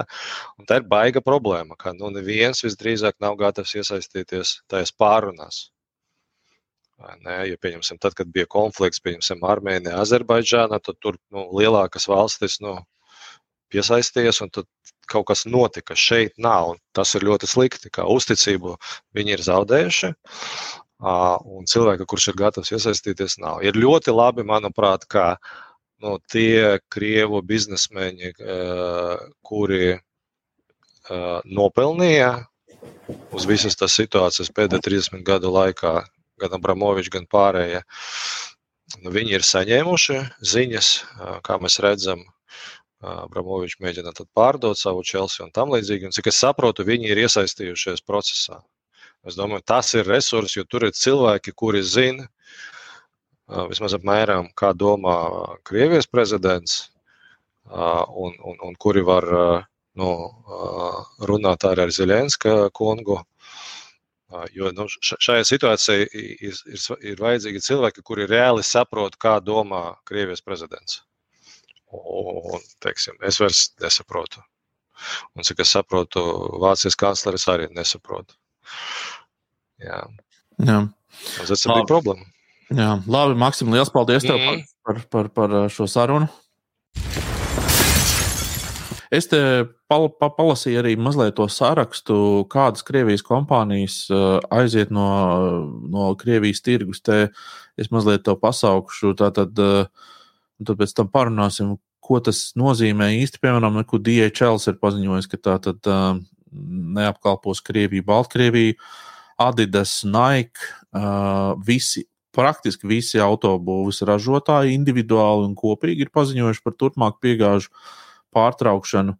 Tā es jau vīzu un mastercard pieminēju, bet arī PayPal ir atteicies, uh, Apple Pay, kas kopā ar Apple, tātad Apple arī netirgos vairs savus uh, datorus, telefonus un tā tālāk Krievijā. Uh, Amazon ir pateikuši, ka viņi vairs uh, arī nepiegādās uz Krieviju. Adobe ir uh, visas licences anulējusi. Uh, datorprogrammām, programmatūrai Igaunijas Bolts ir aizgājis no tirgus. Carlsbergs, Coca-Cola, Coca-Cola aiziet no tirgus. Danon, Dell, Dropbox arī vairs tu nevarēsi Dropbox izmantot. Um, Krievijā Eriksons arī pateicis, viss mēs gan mikroviļņu tos raidītājus, gan, gan iekārtas vairs neliekam. Etsy ir bloķējis Krieviju, Facebook ir uzlicis vairākus banus, liegumus virknei kontu. FedEx kas ir līdzīgi kā DHL un UPS, arī ir paziņojuši, ka, ka vairs neapgādās Krieviju. Tātad tur droši vien ir sūtījuma pasts. Uh, HP, Intels, uh, Lenovo, LinkedIn ir pateicis, ka arī pil, pilnībā pārtrauks darbu Krievijā. Pārvadātājs Mairsk vairs nebrauks, nepiegādās neko. Microsoft Office arī ir pateicis, ka tika atslēgts licences NFT, kas ir, man liekas, diezgan liels trieciens. Tur bija kaut kāda miljardu vērtībā, cik es redzēju, to, ko Krievi bija sapirkušies tos NFT, tos viņiem nobloķē. Uh, NBA, NHL uh, ir šobrīd netranslēs, bet tur nav vēl zināms precīzi, kā tās sankcijas strādās. Uh, Netflix uh, nepilda vienkārši pagaidām uh, saistības kaut kādas Krievijā, kas viņiem ir uzliktas, bet uh, visticamāk viņi arī. Viņiem bija jāiekļaut tie kanāli, tur, un, un tad tur sākās spiediens. Kanāli, jā, jā, jā. Tad, un, bet viņi ne, neizpilda tās prasības, līdz, bet līdz ar to tas nozīmē, ka viņus arī droši vien viņi vai nu paši tiks atslēgti, vai viņi to izdarījis tā. Holivudas studijas ir pateikušas, ka nepiegādā filmas un izklaides saturu Krievijai. BBC studija ir paziņojusi arī par licences ierobežošanu Krievijai. Juridiskie biroji, tā skaitā Chambers un Partners, aiziet prom lielais mm, milzis. Naftas milži, British Petroleum ir izgājis no 20% Rosneft un ExxonMobil arī, Shells arī. Spotify vairs nedarbosies, kā nu, Krievijā. Sony kaut kādas produkts ir izslēguši, Zoomas arī vairs nepārdos licences Krievijā. nu, mēs redzam tā tēlaini, ka nu, kaut kāda mašīna, kaut vai tā, tā pati lada kļūst par tādiem koku ratiem. Ja. Nu, respektīvi, uz priekšu kaut kā ripos, bet uh, komforts būs krietni cits. Nu, uh, tas, ir, tas ir skaidrs, ka nu, jāsaprot arī, ka Krievijas ekonomika, lai tur ir ļoti liela nevienlīdzība. Nu, vispār skatoties, ir gana bagāta, lai tas kritums un tas, teiksim, tas, tas tā lejupslīde var būt ļoti liela. Respektīvi, tas arī šādos apstākļos ekonomikas būs, ja viņi būs tikai krietni kārnāk. Ja. Nu, mm. Tas ir tas stāsts par to, ka zināmā mērā nu, tas ir tas stāsts, kad ka tu kaut kā, kā krievi saka, nedaudz pārspīlē, ja, teiksim, pārliec to koku par daudz, un viņš salūst. Ja.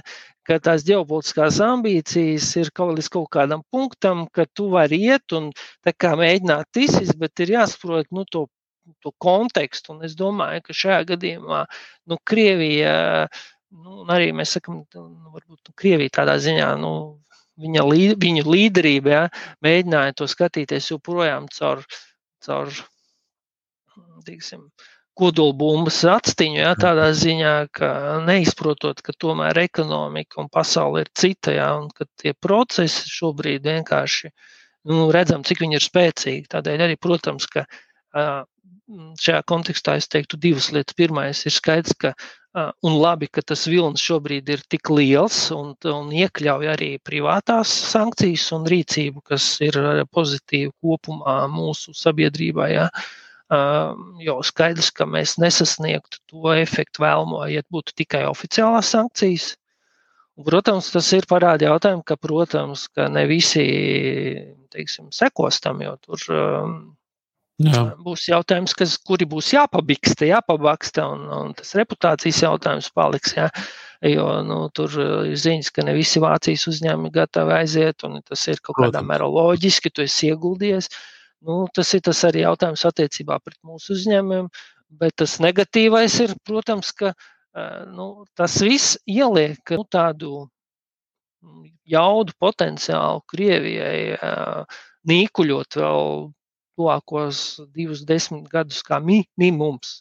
Ja, jo ir skaidrs, ka sankcijas, ja pat ja, piemēram, mēs rīt uzzinām vēlmi kaut ko normalizēt, tās sankcijas nāks tikai tad, teiksim, tiks atvieglotas tikai tad, kad būs kaut kāda pārliecība, ka ir tiešām kaut kāda mainījusies kaut kas jā, pēc būtības, kas ir, būs jāpierāda. Tas ir ļoti laikietilpīgs. Ir skaidrs, ka Krievija, ja tur nenotiek, tad ceļš būs diezgan grūts un smags. Ļoti ilgs. Un es domāju, tā, tā, tā ir nolemtība. Es teiktu, ja es būtu jauns cilvēks, tā ir tiešām nolemtība.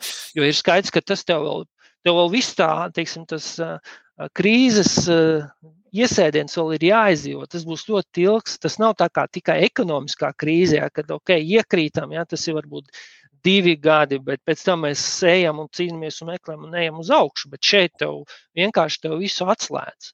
Jā, bet zini, ko es, es tev īstenībā piekrītu, lasot šo sarakstu. Es arī domāju, um, ka tev ir taisnība tajā, ko tu saki, ka īstenībā cieš, cietīs vairāk tādi modernās ekonomikas dalībnieki, tādi, nu, kas ir tie jaunie. Jo, nu, teiksim, tev atslēdz Amazon vai Adobe vai Dropbox, tev nedarbojas vai Netflix vai Spotify.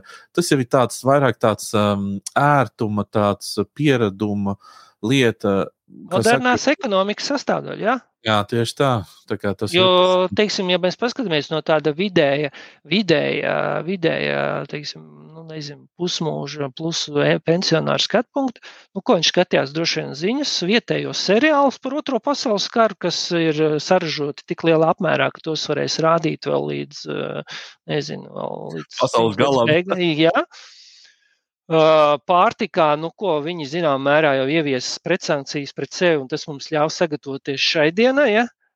Nekāda, nu, teiksim, tas, ka tur elite nēdīs, kā, kā viņi smējās, teiksim, Baltijas vai Somijas jogurtu, nu, viņi jau pie tā šobrīd ir pieraduši. Es domāju, mm. viņiem tas trieciens netikt uz eiro būs nopietnāks. Nu, tāpēc, un tieši tāpēc, lai nodrošinātu to, lai būtu tas, tas kartupēls un tas, teiksim, zemais dzīves līmenis, Krievijai būs spiest ieviest zināmu teiksim, dozēšanu un ierobežošanu, lai vismaz nodrošinātu to nu, teiksim, tādu pamat iztikšanu. Ja?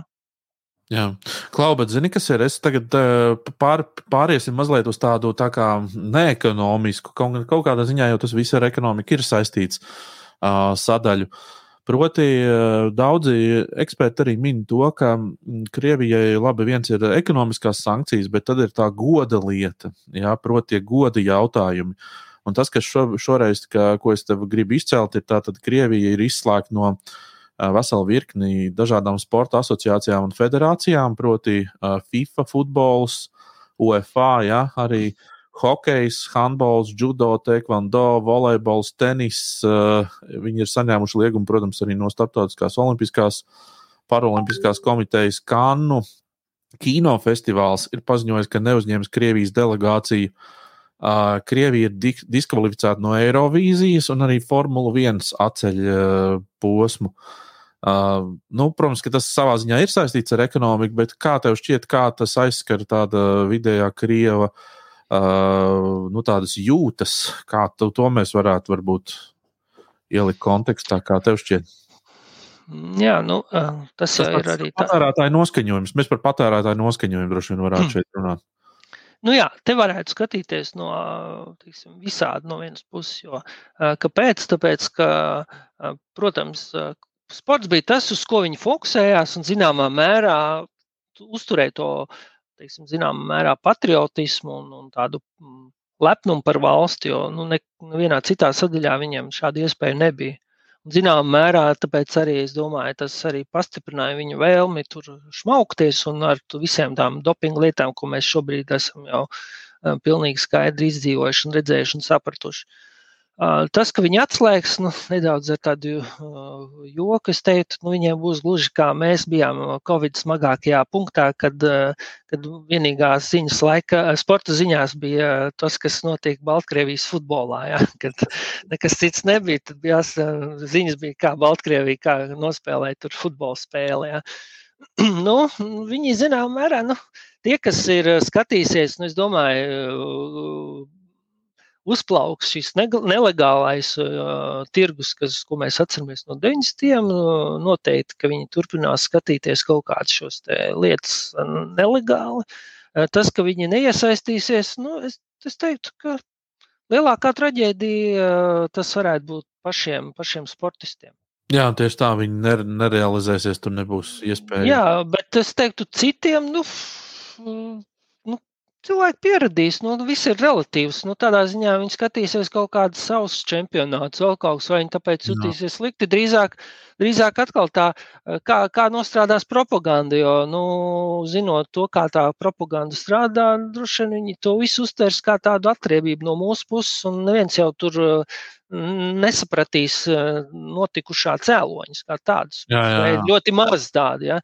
Līdz ar to es teiktu, tas, tas es teiktu, es to nepārspīlētu. Nu, tādā ziņā, ka tas viņiem pēkšņi būs. Es drīzāk domāju, lielai daļai tas būs drīzāk papildus aizvainojums pret pasauli. Mums ir pievienojies Ulris Rutkaste no Latvijas Bankas. Man ir ļoti liels prieks, Ulu, tevi sveikt Mediānā. Es sveicināts. Jā, sveiki. Sveiks. Jā, Dainis, Dainis Gašpovics arī no SEB bankas ir klāt. Dainim ir droši vien pirmais jautājums. Jā, nu, kādi ir pirmie vērtējumi par ja, notiekošā ietekmi uz Latvijas ekonomiku? Uh, nu, skaidrs, ka uh, sankcijas un, es teiktu, ekonomiskās sadarbības saišu uh, saraušana ar Krieviju um, Latvijas ekonomiku ietekmēs, bet es teiktu, izdzīvosim un, un visticamāk, ka nebūs uh, tik traki, kā, kā, kā, kā sākotnēji varētu likties. Protams, uh, um, ekonomisko izaugsmu tas palēninās. Um, inflācija būs augstāka nekā esam to gaidījuši, un energoresursu cena, um, cena sadārdzināsies. Latvijai būs noteikti nopietni jādomā par uh, savas energo um, uh, atkarības mazināšanu no Krievijas uh, fosiliem resursiem. Ja? Tas noteikti radīs uh, diezgan daudz uh, galvas sāpju un prasīs arī diezgan liels finanšu līdzekļus. Bet, bet kopumā man liekas, no šīs krīzes mēs iziesim stiprāki un noteikti Latvijas ekonomikas attīstību vidējā termiņā, ilgtermiņā. Tas, es teiktu, es pat redzu, ka tur būs vairāk pozitīvāki iznākumi nekā negatīvāki. Protams, ja ar nosacījumu, ja vien, teiksim, nav tā, ka mūsu austrumu kaimiņu teiksim, sankcijas un Ukrainas um, teiksim, karavīru um, drošsirdība nespēja apstādināt. Ja, tas rada, radīs, radītu, piemēram, diezgan būtisks uh, nu, tā, investoru jautājums par to, cik droši vispār Baltijas reģionā ir. Ja, kas, kas, kas droši vien ir jāpaturprātā kā risks. Un es domāju, nu, teiksim, tā, pretstatot sankciju efektiem, ja, ja, ja sankcijas, ja rietumi, kā saka, vienkārši noskatītos un ļautu Putinam darīt, ko viņš grib, un, un, un rīkoties agresīvi, un, un nekādu pretdarbību neveikt, vai ne, tas droši vien ilgtermiņā Latvijas ekonomikai izmaksātu vēl dārgāk, jo, jo tad gan šī investīcija vide visticamāk ļoti būtiski pasliktinātos, un, un diez vai tas veicinātu, saka, ekonomikas attīstību nākotnē.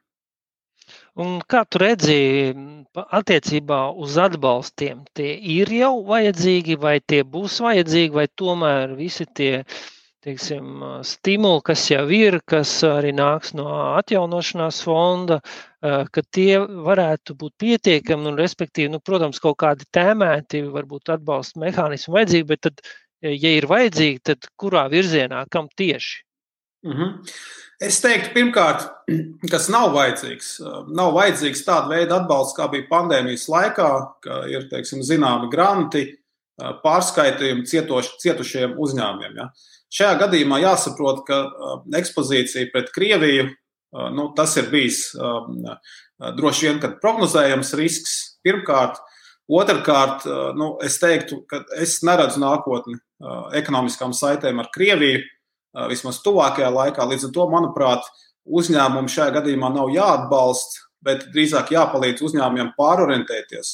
Un, un tiem, kam ir ekspozīcija pret Krieviju, un tiem, kam ir iespējams meklēt tātad, sev citus tirgus, vai varbūt domāt par citu biznesu, diversificēt savu biznesu. Jo kopumā tā aina izskatās, ielūkojoties mūsu tirdzniecības statistikā, mikrodatos, uh, no vienas puses, nu, tā, nav tādas ļoti būtiski eksponētas nozars. Ja? Nu, teiksim, tie nozaru līmenī skatoties, tie augstākie ekspozīcijas cipari ir ap 30%, respektīvi 30% no kopējā eksporta iet uz Krieviju. Preču tirzniecībā. Ja? Bet, ja mēs skatāmies uzņēmumu līmenī, tur tomēr ekspozīcija daudz kur vēl ir. Jo izskatās, ka situācija ir diezgan duāla, kad ir uzņēmumi, kas tirgojās ar Krieviju un tirgojās ļoti apjomīgi, kur ir ļoti liela daļa no viņu šo konkrētu uzņēmumu eksporta iet uz Krieviju. Un tad ir vesela virkne uzņēmumiem, kas nu, vai nu netirgojas, vai ļoti, pavisam ļoti maz tirgojas ar Krieviju. Ja. Tā kā būs noteikti virkne uzņēmumu, kam būs jāpārorientējas. Ja. Un šeit es pieņemu noteikti Lija kaut ko var darīt, un varbūt sazobē ar Altumu, ja kaut kādas programmas var noteikti veidot, lai uzņēmumiem palīdzētu. Tajā gadījumā, ir kredibls, ticams, biznesa plāns, kā savu biznesu pārorientēt no tirzniecības ar Krieviju uz tirzniecību ar citām valstīm, tad tur, manuprāt, zinām, zinām, zināmā veidā šis atbalsts var tikt sniegts. Otrs, es teiktu, jāskatās uz energoresursu cenu attīstību. Skaidrs, ka jau šī gada, pagājušā gada beigās, šī gada sākumā energoresursu sadārdzināšanās bija šokējoša ļoti daudziem sabiedrības locekļiem, kas, nu, teiksim tā, jo īpaši mazāk rocīgajai sabiedrības daļai, kas kas droši vien teiksim, to pilnīgi visu rēķinu sadārdzināšanos diezgan grūti būtu samaksāt, ja valdība nāca pretī. Jāskatās, kas būs nākošajā apkurses sezonā. Ja, ja, ja tiešām šis energoresursu sadārdzinājums ir milzīgs, ja ekonomikā tomēr teiksim, nu, teiksim, īstermiņā tie negatīvie efekti ir, tad, manuprāt, nu, teiksim, tā lielākai atbalsta masai būtu jānāk, jānonāk tieši pie pie iedzīvotājiem, ja, tātad nu, daļēji um, kompensējot šos, šos energoresursu uh, sadārdzināšanās efektus. Pirms Kristaps uzdod jautājumu, es trīs varbūt ātrus tādus uh, jautājumus. Pirmais ir, vai tu redzi kaut kādos uh, produktos, uh, kur varētu būt deflācija? Uh, paskaidrošu, kāpēc. Tāpēc, ka atceramies, kad bija Krimas sankcijas, ja, uh, tad uh, tās preces, kas bija Krievijai, vienā mirklī gāzās par mums. Es domāju, ka līdzīgs efekts kaut kādos segmentos varētu parādīties arī, kas, respektīvi, noteiktiem pārtiks produktiem, kas šobrīd nu, potenciāli var piedzīvot Krievijas pretsankcijas un kas varētu, teiksim tā, uz, uz īslaicīgi ienākt mūsu eklos, nositot cenas. Otrs ir īsts vērtējums par to, cik, vai, cik uzņēmumi varētu būt, nu, teiksim, kas ir fokusēti uz to Krieviju. Jā, piemēram, tur es lasu, ka Somija saskaitusi, ka tas varētu skart aptuveni 2000 uzņēmumus, vai ir aptuveni, teiksim, kā tu minēji, ka tas ir uzņēmuma līmenī, jā, cik tas varētu būt skaits vai nē. Un, un respektīvi, vai arī šīs tendences kaut kā būtiski varētu kaut īslaicīgi atspogļoties darba tirgū. Jā. Nu, respektīvi, mēs visticamāk kaut kādu atzīšanu gaidīsim, piedzīvosim, bet, nu, teiksim, drīzāk būtisku pieaugumu nē, bet varbūt tev ir citādāks skats. Mm. Labi, sākšu ar to inflāciju, deflāciju. Jā, noteikti, ka nu, teiksim, tā, konceptuāli tāds efekts varētu būt, ja, piemēram, kāda uzņēmuma, kas te, tirgo Latvijā piemēram, pārtika, bet arī Krievijā. Un, un tad uz Krieviju šīs eksporta iespējas sašaurinās, ja, un tad vienkārši meklējot noiet tirgus, vairāk mēģinās pludināt šo, šo, šo savu produkciju Latvijas tirgu, nu, kas tika radīta lejupērs spiedienu uz, uz cenām. Nu, piemēram, lietuvieši. Ko, ko lūdzu? Nu, piemēram, lietuvieši. Viņiem nu, vai lietuvieši, jā, vai mūsu piemēram. kaimiņu reģionā kopumā. Ja. Tas tā varētu būt, bet man liekas, šī brīža apstākļi ir tādi, ka diezgan liels izmaksu spiediens visiem ražotājiem, jo īpaši pārtikā, gan energoresursi, gan arī atcerēsimies, ka nu, pārtikā minerālu mēslu ir diezgan būtiski sadārdzinājušies, kas ir lielā mērā saistīts ar dabasgāzes cenas pieaugumu, jo dabasgāze minerālu mēsliem ir nu, teiksim, tā, viena no pamatsastāvdaļām. Tas spiediens būs liels, un globāli pārtiks cenas, es domāju, arī Um, pieaugs, jo Krievija un Ukraina ir ļoti liels uh, graudaugu kviešu piegādātais pasaules tirgos, apmēram 20%, es tagad nekļūdos kopā. Uh, un, ja Ukrainai neizdosies teiksim, apsēt uh, laukus, ja, tad, tad skaidrs, ka nu, teiksim, būs graudu deficīts Un, un, un, un tas rezultēsies cenu pieaugumā. Un tas jau šobrīd rezultējās, jo cilvēki gaidot uh, graudaugu sad, sadā, sad, sadārdzināšanos, nu, faktiski pastiprināt sāk veidot krājumu, jo nu, graudaugus var kādu laiku uzglabāt. Un šobrīd jau mēs tās cenas redzam, ka iet, iet, iet, iet augšā. Līdz ar to jā, tas iespējams palēninās šo cenu pieauguma efektu, bet vai būs deflācijas, stipri, stipri šaubos. Par to uzņēmumu skaitu un par ietekmi uz darba tirgu es skaitu šobrīd nepateikšu, lai gan to var saskaitīt mūsu, mūsu statistikā. Mūsu statistikas pārvalde redz to uzņēmumu skaitu. Bet tas, ko es gribētu teikt, ja mēs skatāmies uz preču ražotājiem, preču eksportētājiem, ja, tad lauvas tiesu no um, Latvijas preču eksporta uz Krieviju uh, veido tādu uzņēmumu, kam Krievija to kopējā eksporta apgrozījumā sastāv vismaz 50% un vairāk. Ja. Tātad tie ir ļoti eksponēti uzņēmumi. Labā ziņa, ka ļoti liela daļa no, no šiem uzņēmumiem patiesībā izskatās ir nevis ražotāji, bet vairumtirgotāji. Ja, jo, jo reeksporta īpatsvars eksportā uz Krieviju ir ļoti liels. Kriet, nu, izskatās, ka krietni virs 35% reeksporta īpatsvars. Ja, un, un, un tur, teiksim, šādām tirzniecības, starpniecības darījumiem, tur, nu, tur teiksim, šajos uzņēmumos droši vien nav tik daudz nodarbināto kā, kā ražojošos uzņēmumos. Ja, un, un tā pievienotā vērtība tur noteikti ir, bet, bet, bet nu, teiksim, tā, tur negluži viss no tā apgrozījuma ir pievienotā vērtība. Tā ir neliela daļa, ja, kā, kā jau tirzniecības, starpniecības darījumos. Līdz ar to es teiktu, ka nu, es nesagaidītu varbūt tādu ļoti masveidīgu bezdarba pieaugumu. Jā. Noteikti kaut kas pieaugumu mēs redzē, redzēsim, un, un visticamāk, pilnīgi visiem uzņēmumiem neizdosies pārorientēt teiksim, savu, savu, savu, savu preču tirzniecību uz, uz citiem tirgiem. Jā. Bet, bet šobrīd jāsaprot, ka darba tirgus ir diezgan uh, uzsilis, ja, un mums ir uh, ļoti liels pieprasījums, neapmierināts pieprasījums pēc, pēc, pēc darbiniekiem. Ja, tā kā arī tas uh, palīdzēs uh, absorbēt uh, bezdarba pieaugumu. Es pat teiktu, ja mēs tā no ekonomista viedokļa raugamies, tad no vienas puses mums būs šis teiksim, tā, ārējās tirzniecības šoks, uh, šoks mūsu eksporta iespējām. Krievijā, bet no otras puses būs pozitīvs šoks piedāvājuma pusē. Ja mums vienkārši um, pieaugs darbspēka piedāvājums un nozars, kur šobrīd ir, ir nu, teiksim, akūts darbspēka iztrūkums, visticamāk centīsies šos darbiniekus piesaistīt. Ja, līdz ar to ekonomiskā aktivitāte noteikti kritīsies daudz mazāk nekā, piemēram, gadījumā, ja Latvija jau šobrīd būtu tuvu recesijai vai, vai darba tirgu, teiksim, jau šobrīd būtu augsts bezdarbs un tā tālāk. Ja. Jā, Dainis ar tādiem ļoti racionāliem jautājumiem. Es atkal te vilkšu uz tādu filozofiju mazliet. Um, nu, par darba spēku jau mēs runājam, bet, ja mēs tā paskatāmies atpakaļ pēdējos trīs gadus, Latvijas uzņēmējs un eksportētājs vispār ir dzīvojis tādā, nu, tādā krīzes centrifūgā visu laiku, jo pēc būtības nu, jā, šis darba nu, teiksim, darba spēka krīze, nu, ka nav kas strādāt. Tad pēkšņi uznāk te uz galvas, uzkrīt pandēmija. Tad, kad tu jau sāc kārpīties un sāc kaut ko domāt, tad tās energo cenas. Tagad karš uh, kaimiņos. Nu, vienkārši visu laiku tāda, nu, tā, tā, tādā krīzē dzīvo. Tu to saskati kā tādu, nu, tādu nu, pozitīvu, tas mums tā ievilksies un tā būs nu, kādu laiku. Ar to ir jārēķinās, ja tas mums dod kādas labas mācības nākotnē, vai, vai mūs nostiprina, vai rūda, vai kā tam līdzīgi. Kāds ir tas tavs skatījums uz šo? Tas mazliet varbūt filozofisks, bet tomēr.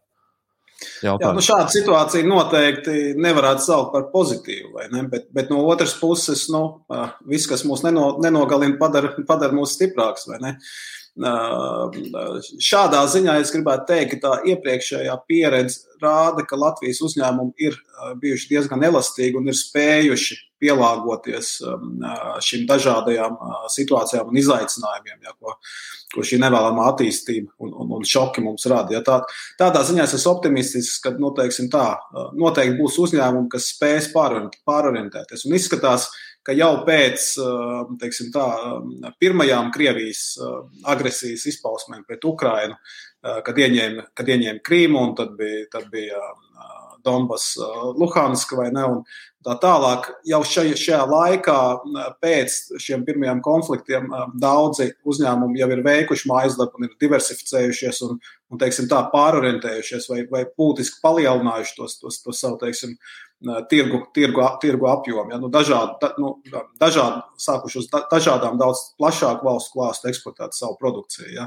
Protams, joprojām atkarība ir, un, un, un, un tur ir vairākas nozares. Tur, tur ir farmācijas nozara, piemēram, Tur ir mašīnu būvniecība un, un dažādi elektrisko, elektronisko iekārtu ražotāji. Ja. Tāpat pārtiks rūpniecība, tekstils, nu, kur, kur tā ekspozīcija pret Krieviju joprojām ir.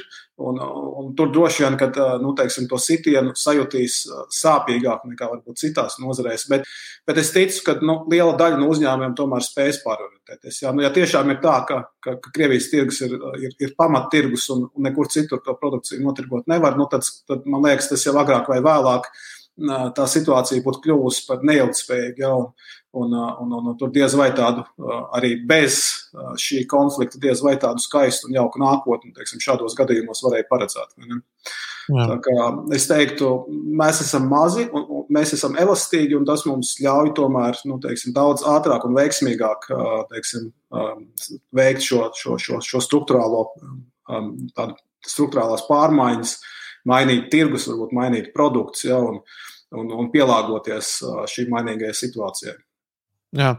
Es ja drīkst pēdējo jautājumu par, nu, par tādu, tas nav gan gluži saistīts tieši konkrēti ar Latvijas tautsēmniecību un ekonomiku, bet redzot, kas notiek šobrīd Krievijas tādā, nu, banku, banku jomā, finanšu, finanšu sfērā, kur ir visi šie liegumi, aresti, un, un, un sankcijas un viss pārējais. Kā tu šobrīd vērtē to, kas notiek tieši banku, banku sistēmā Krievijā? Jā, varbūt ir, kā, ir kādas lietas, kas var atsaukties uz, uz mums vai, vai, vai, vai kā. Notiek hauss, notiek pilna mēroga finanšu krīze, un Krievija to mēģina risināt ar netirgus ekonomikas metodēm ar, ar autoritīvai valstī ļoti raksturīgām metodēm, kapitāla kontrolas, aizliegumi, birža tiek turēta ciet vai ne, un tā tālāk. Tiek piespiests uzņēmumiem visu vai 80% no saviem ārvalstu valūtas ienākumiem uzreiz konvertēt uz rubļiem, tiek aizliegts iedzīvotājiem veikt ārvalstu valūtas maksājumus ārpus valsts. Un, un tā tālāk. Tas Krievijai, protams, īstenībā ļauj šo situāciju savaldīt. Ja, ja birža nav vaļā, protams, akcijas nekrītās. Ja tu ārvalstu investoriem aizliedz ņemt ārā savu kapitālu no, no, no valsts un, un saviem rezidentiem lietas piespiedu kārtā konvertēt valūtu, tad, protams, tas ļauj šo valūtas kursu noturēt, bet rezultātā rublis kļūst par nekonvertējumu valūtu. Un, principā, ilgtermiņā Krievija cietīs liekas, no šī ļoti, ja vien, ja vien politisku iemeslu dēļ netiks pilnībā izolēta, ja, tad, tad, tad arī dēļ, dēļ, dēļ, dēļ šādas rīcības, teiksim, tirgus ekonomikai vispār nesaprotam, nesaprotamā veidā, vai nu, nevis nesaprotamā, bet neadekvātā veidā, ja, cīnoties ar šīm, ar šīm sankcijām, ja, nu, vienkārši nu, zināmā mērā netur savus solījumus, aizliedz, aizliedz, aizliedz cilvēkiem teiksim, savu kapitālu pārvietot. Jā, tas noteikti nākotnē nepalīdzēs. Man ir grūti iedomāties, kā viens normāls, veselīgi domājušs cilvēks pēc, pēc šādas rīcības vispār kādreiz Krievijas ekonomikā gribētu investēt. Tas gan jā. Es tieši par to arī domājos. Lielas paldies, Uldi, par, par dalību Mediānā. Un, un es ceru, tiekamies labākos laikos. Jā, labi, ņemiet par labu un visu labu veiksmīgi. Es um, esmu arī šobrīd apkopojis tādas galvenās tādas sankciju līdzšinējās sekas, tā mēs varbūt viņus varētu nosaukt. Uh, kaut gan, protams, ka mēs vēl nekādas tādas sekas īpaši neredzam. Nu, ir, protams, kaut kas, ko tu uzreiz jūti, bet tad ir lietas, kuras ar tādu inerci sekos. Bet tas, ko mēs uzreiz redzam, tātad pirmajās dienās jau mēs redzējām, iedzīvotāji izņēma lielu daudzumu naudas no bankomātiem. Um, centrālā banka īsti pagaidām nekomentē. Es nezinu, varbūt Dainam ir kaut kādi skaitļi, kaut kas, bet um, uzņēmēji rietumos sarauj saites ar saviem Krievijas partneriem. Tas ir noticis masveidā, par to ziņo arī Krievijā. Tur viņi no tā nevar nekādi izvairīties. To acīm redzot, visi jūt un redz. Vidējā alga sešu dienu laikā Krievijā, nu, vērtību ziņā no 680 dolāriem nokrīt uz 230 dolāriem. Nu, tādā ziņā. Rubļiem. Uh, rubļiem. Nē, dolārs tas ir sešu dienu laika vidējā alga. Tad tie pa dolāriem ir runa. Sberbanka akciju vērtība vakar, uh, trešdien, tā tad ir nokritusi par 90% salīdzinot ar kara sākumu. Uh, un uh, pret Krieviju ir vērsti kiberuzbrukumi, uh, kas ir masveidā, jā, tur daudzas lietas paralizējušas. Uh, un patiesībā, nu jā, internetā jau klīst dažādi video, kur kā tur ir, elektrouzlādes stacijas ir uh, uzhakotas un kas tik vēl nē. Daņa pieminētais jau Severstaļa metāla apstrādes uzņēmums, kurš ir pilnībā, pilnībā pārtraucis eksportu. Uh, Bet te ir stāsts par to, ka droši vien ka tas nav noticis aiz uh, sankcijām, bet tikai tāpēc, ka tas ir tāds uh, biznesa apsvērums. To nedarīt vairs. Uh, tātad vairāk nekā 150 reizes ir aizturēta Maskavā. Uh, mēs runājam par avio reisiem. Cilvēki ir iesprūduši ārzemēs, netiek atpakaļ uz Krieviju. Un Forbes, starp citu, ir publicējis reisu sarakstu, kurā redzams, ka Krievija ar tiešo reisi šobrīd var aizlidot uh, vēl uz Serbiju, bet ar autobusu var aizbraukt uz Igauniju. Visur citur ir sarežģīts pārsēšanās, un, un, un, un principā tas, kas ir viņiem pieejams, ir Turcija, apvienoto Arābu Emirāti, Katara, Eģipte un Armēnija. Nu, tādas lidostas, kur tur var mazliet kustēties. Es, Daini, tev gribu vaicāt par eh, tādu nu, šo sankciju ietekmi. Kā, kā tev, tavuprāt, viņu izjutīs uh, parastais iedzīvotājs, kur vispirms, kas ir sākums un kā tas viss attīstīsies un līdz kam tas var faktiski novest. Nu, tas, ko mēs redzam, ir, tik, nu, ir tikai sākums. Ja ir skaidrs, ka primārais, ko cilvēki šobrīd mēģina saglabāt savus uh, uzkrājumus, ja, tādēļ arī ļoti aktīvi ir šī kustība uz bankām, ja, pēc saviem uzkrājumiem, un, protams, arī iespēja robežās maiņu uz dolāriem, kur es domāju, tas ir. Banku tas kolaps, ir, kā to prognozē? Banku kolaps, nu, es šajā gadījumā drīzāk teiktu, ka varbūt tas nebūs tik masveidīgi, jo, nu, būsim, skatīsimies, ka tomēr tur tā dominance ir tāda, ka Nu, Sberbanka ir valsts banka, kas ir pamatā arī tā valsts, teiksim, kas ir pamatā visu apkal, apkalpo un, un, un, tām, un, tām, un tām jau lielākajām bankām tiks nodrošināti apstākļi un atbalsts, lai, viņi, lai viņas nesabruktu. Jo tas ir noteikti arī pašas valsts interesēs. Savukārt, ja mēs skatāmies kopumā, finanšu sistēmu skaidrs, ka varētu būt iet uz tādu mežonības pusi, jā, kad, kas varbūt bija teiksim, vēl 2000. gada sākumā, vēl, vēl salīdzinoši nesen, kad nāca amatā pašreizējā centrālās bankas vadītāji, kas diezgan aktīvi izvērsa to karu pret bankām, nu, mēģinot šo banku sistēmu sakārtot. Tā kā es domāju, ka tāda sistēma varētu arī ļoti nebankrutēt, jo vienkārši tur īsti nav kam. Drīzāk tur varētu attīstīties, un visticamāk attīstīsies visi šie tēnu ka, kantori, ja, kas izsniedz aizdevumus neoficiāli un, un attiecīgi uz, uz, uz pilnīgi teiksim, tādiem jauniem melnā tirgus nosacījumiem. Līdz ar to nu, ko cilvēkam ar ko jāreikinās, ka preces, kas, kas bija pieejams, nebūs pieejams. Iespējams, ka ļoti liela daļa tas, ko mēs šobrīd redzam nu, teiksim, no kompānijām, kas pateica, ka viņas tur nebūs, būs. Tikai būs melnajā tirgu par citu cenu. Jo Jā. nu, nav šaubu, ka nu, krievu cilvēks atradīs ceļus, kā tur iedabūt iekšā, jo robeža ir tūkstošiem kilometru. Jā. Nu, un, ja pieprasījums, būs piedāvājums, bet tas būs pilnīgi citas cenas. Tas nozīmē to, ka nu, nav, es teiktu, nu, mēnesis, pusotra, un būs ļoti tukši veikalu plaukti. Jā augstas cenas, kas nozīmē to, ka augošas arī tālāk, kas nozīmē to, ka valdība būs spiest ieviest kaut kādas cenu griestus noteiktiem produktiem, kas tikai pastiprinās to deficītu un, un attiecīgi arī nu, zināmā mērā problēmas. Līdz ar to varētu būt tiešām zināma tāda, nu, drīzāk tāda bankrota vilnis dažādu šo uzņēmumu starpā, kas tirgo gan pārtiku, gan citas lietas, jo vienkārši tev vienkārši nav kur dabūt Jā. preces. Ja? Nu, būs komisijas veikali atkal modē un, un tā tālāk. Nu, respektīvi, es teiktu, tāds zināms uh, 90. sāku, ceļš, jā, ceļš uz tādu jā. kooperatīvu laiku, kas, jā, jā. kas darbojās iekšienē, kur, kur cilvēki mēģina uh, kopēt, aizstāt to, kas bija pieejams no rietumiem, nu, vienkāršotā veidā savu iespēju robežās. Ja? Uh, jo, nu, protams, skaidrs, ka importa aizstāšana notiks.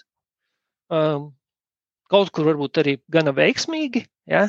ko, protams, mēs redzēsim propagandas kanālos kā uzvaras sasniegums, ja? bet kopumā skaidrs, ka tam nav ne resursu, ne iespēju. Ko? Jā. Baltkrievija jau kaut kādā ziņā operē ar šo visu laiku. Viņiem arī ir salīdzinoši ierobežots tas rietumu uh, preču skaits. Viņi ļoti daudz uz, no Krievijas un pašu saražotais veikalos ir.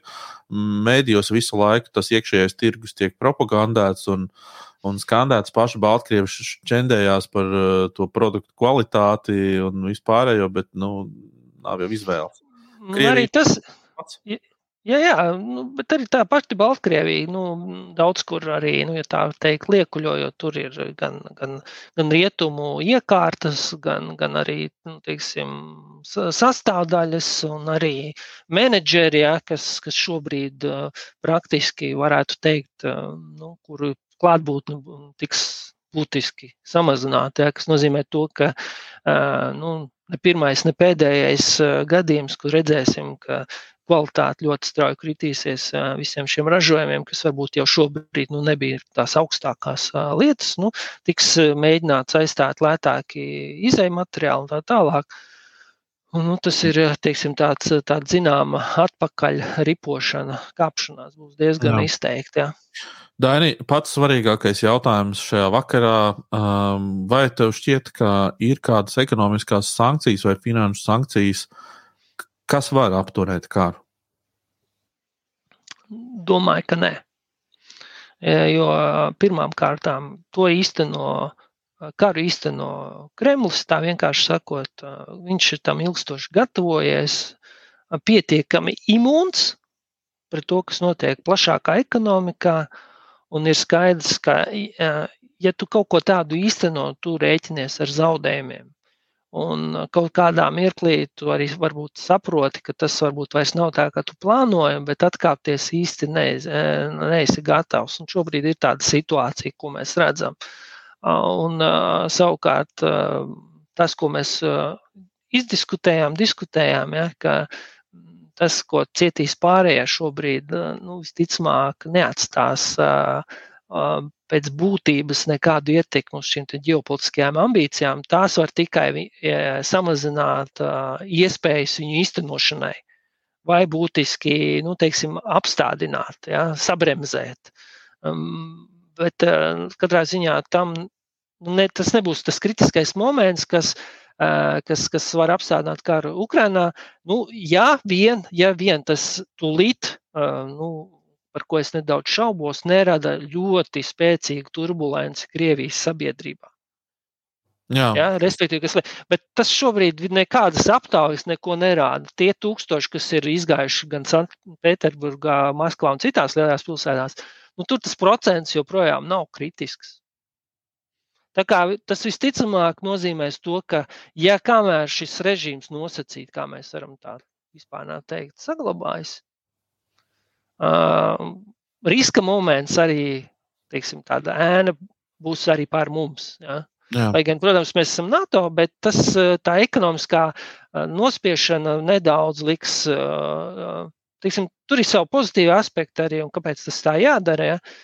Un arī ilgākā termiņā varbūt liks daudzas lietas viņiem pārdomāt un, un nedaudz revidēt. Jā, bet, bet ne, ne, katrā ziņā šajos momentos tas nebūs tas eh, izšķirošais moments.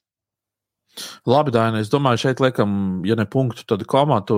Es tev saku ļoti lielu paldies par dalību raidījumā. Uh, man, mēs esam divu stundu laikā paspējuši ļoti daudz ko pārunāt, un, un jā, es ceru, ka arī skatītājiem, ja nekļūst skaidrāk, tad vismaz ir interesantāk pavadīt laiku.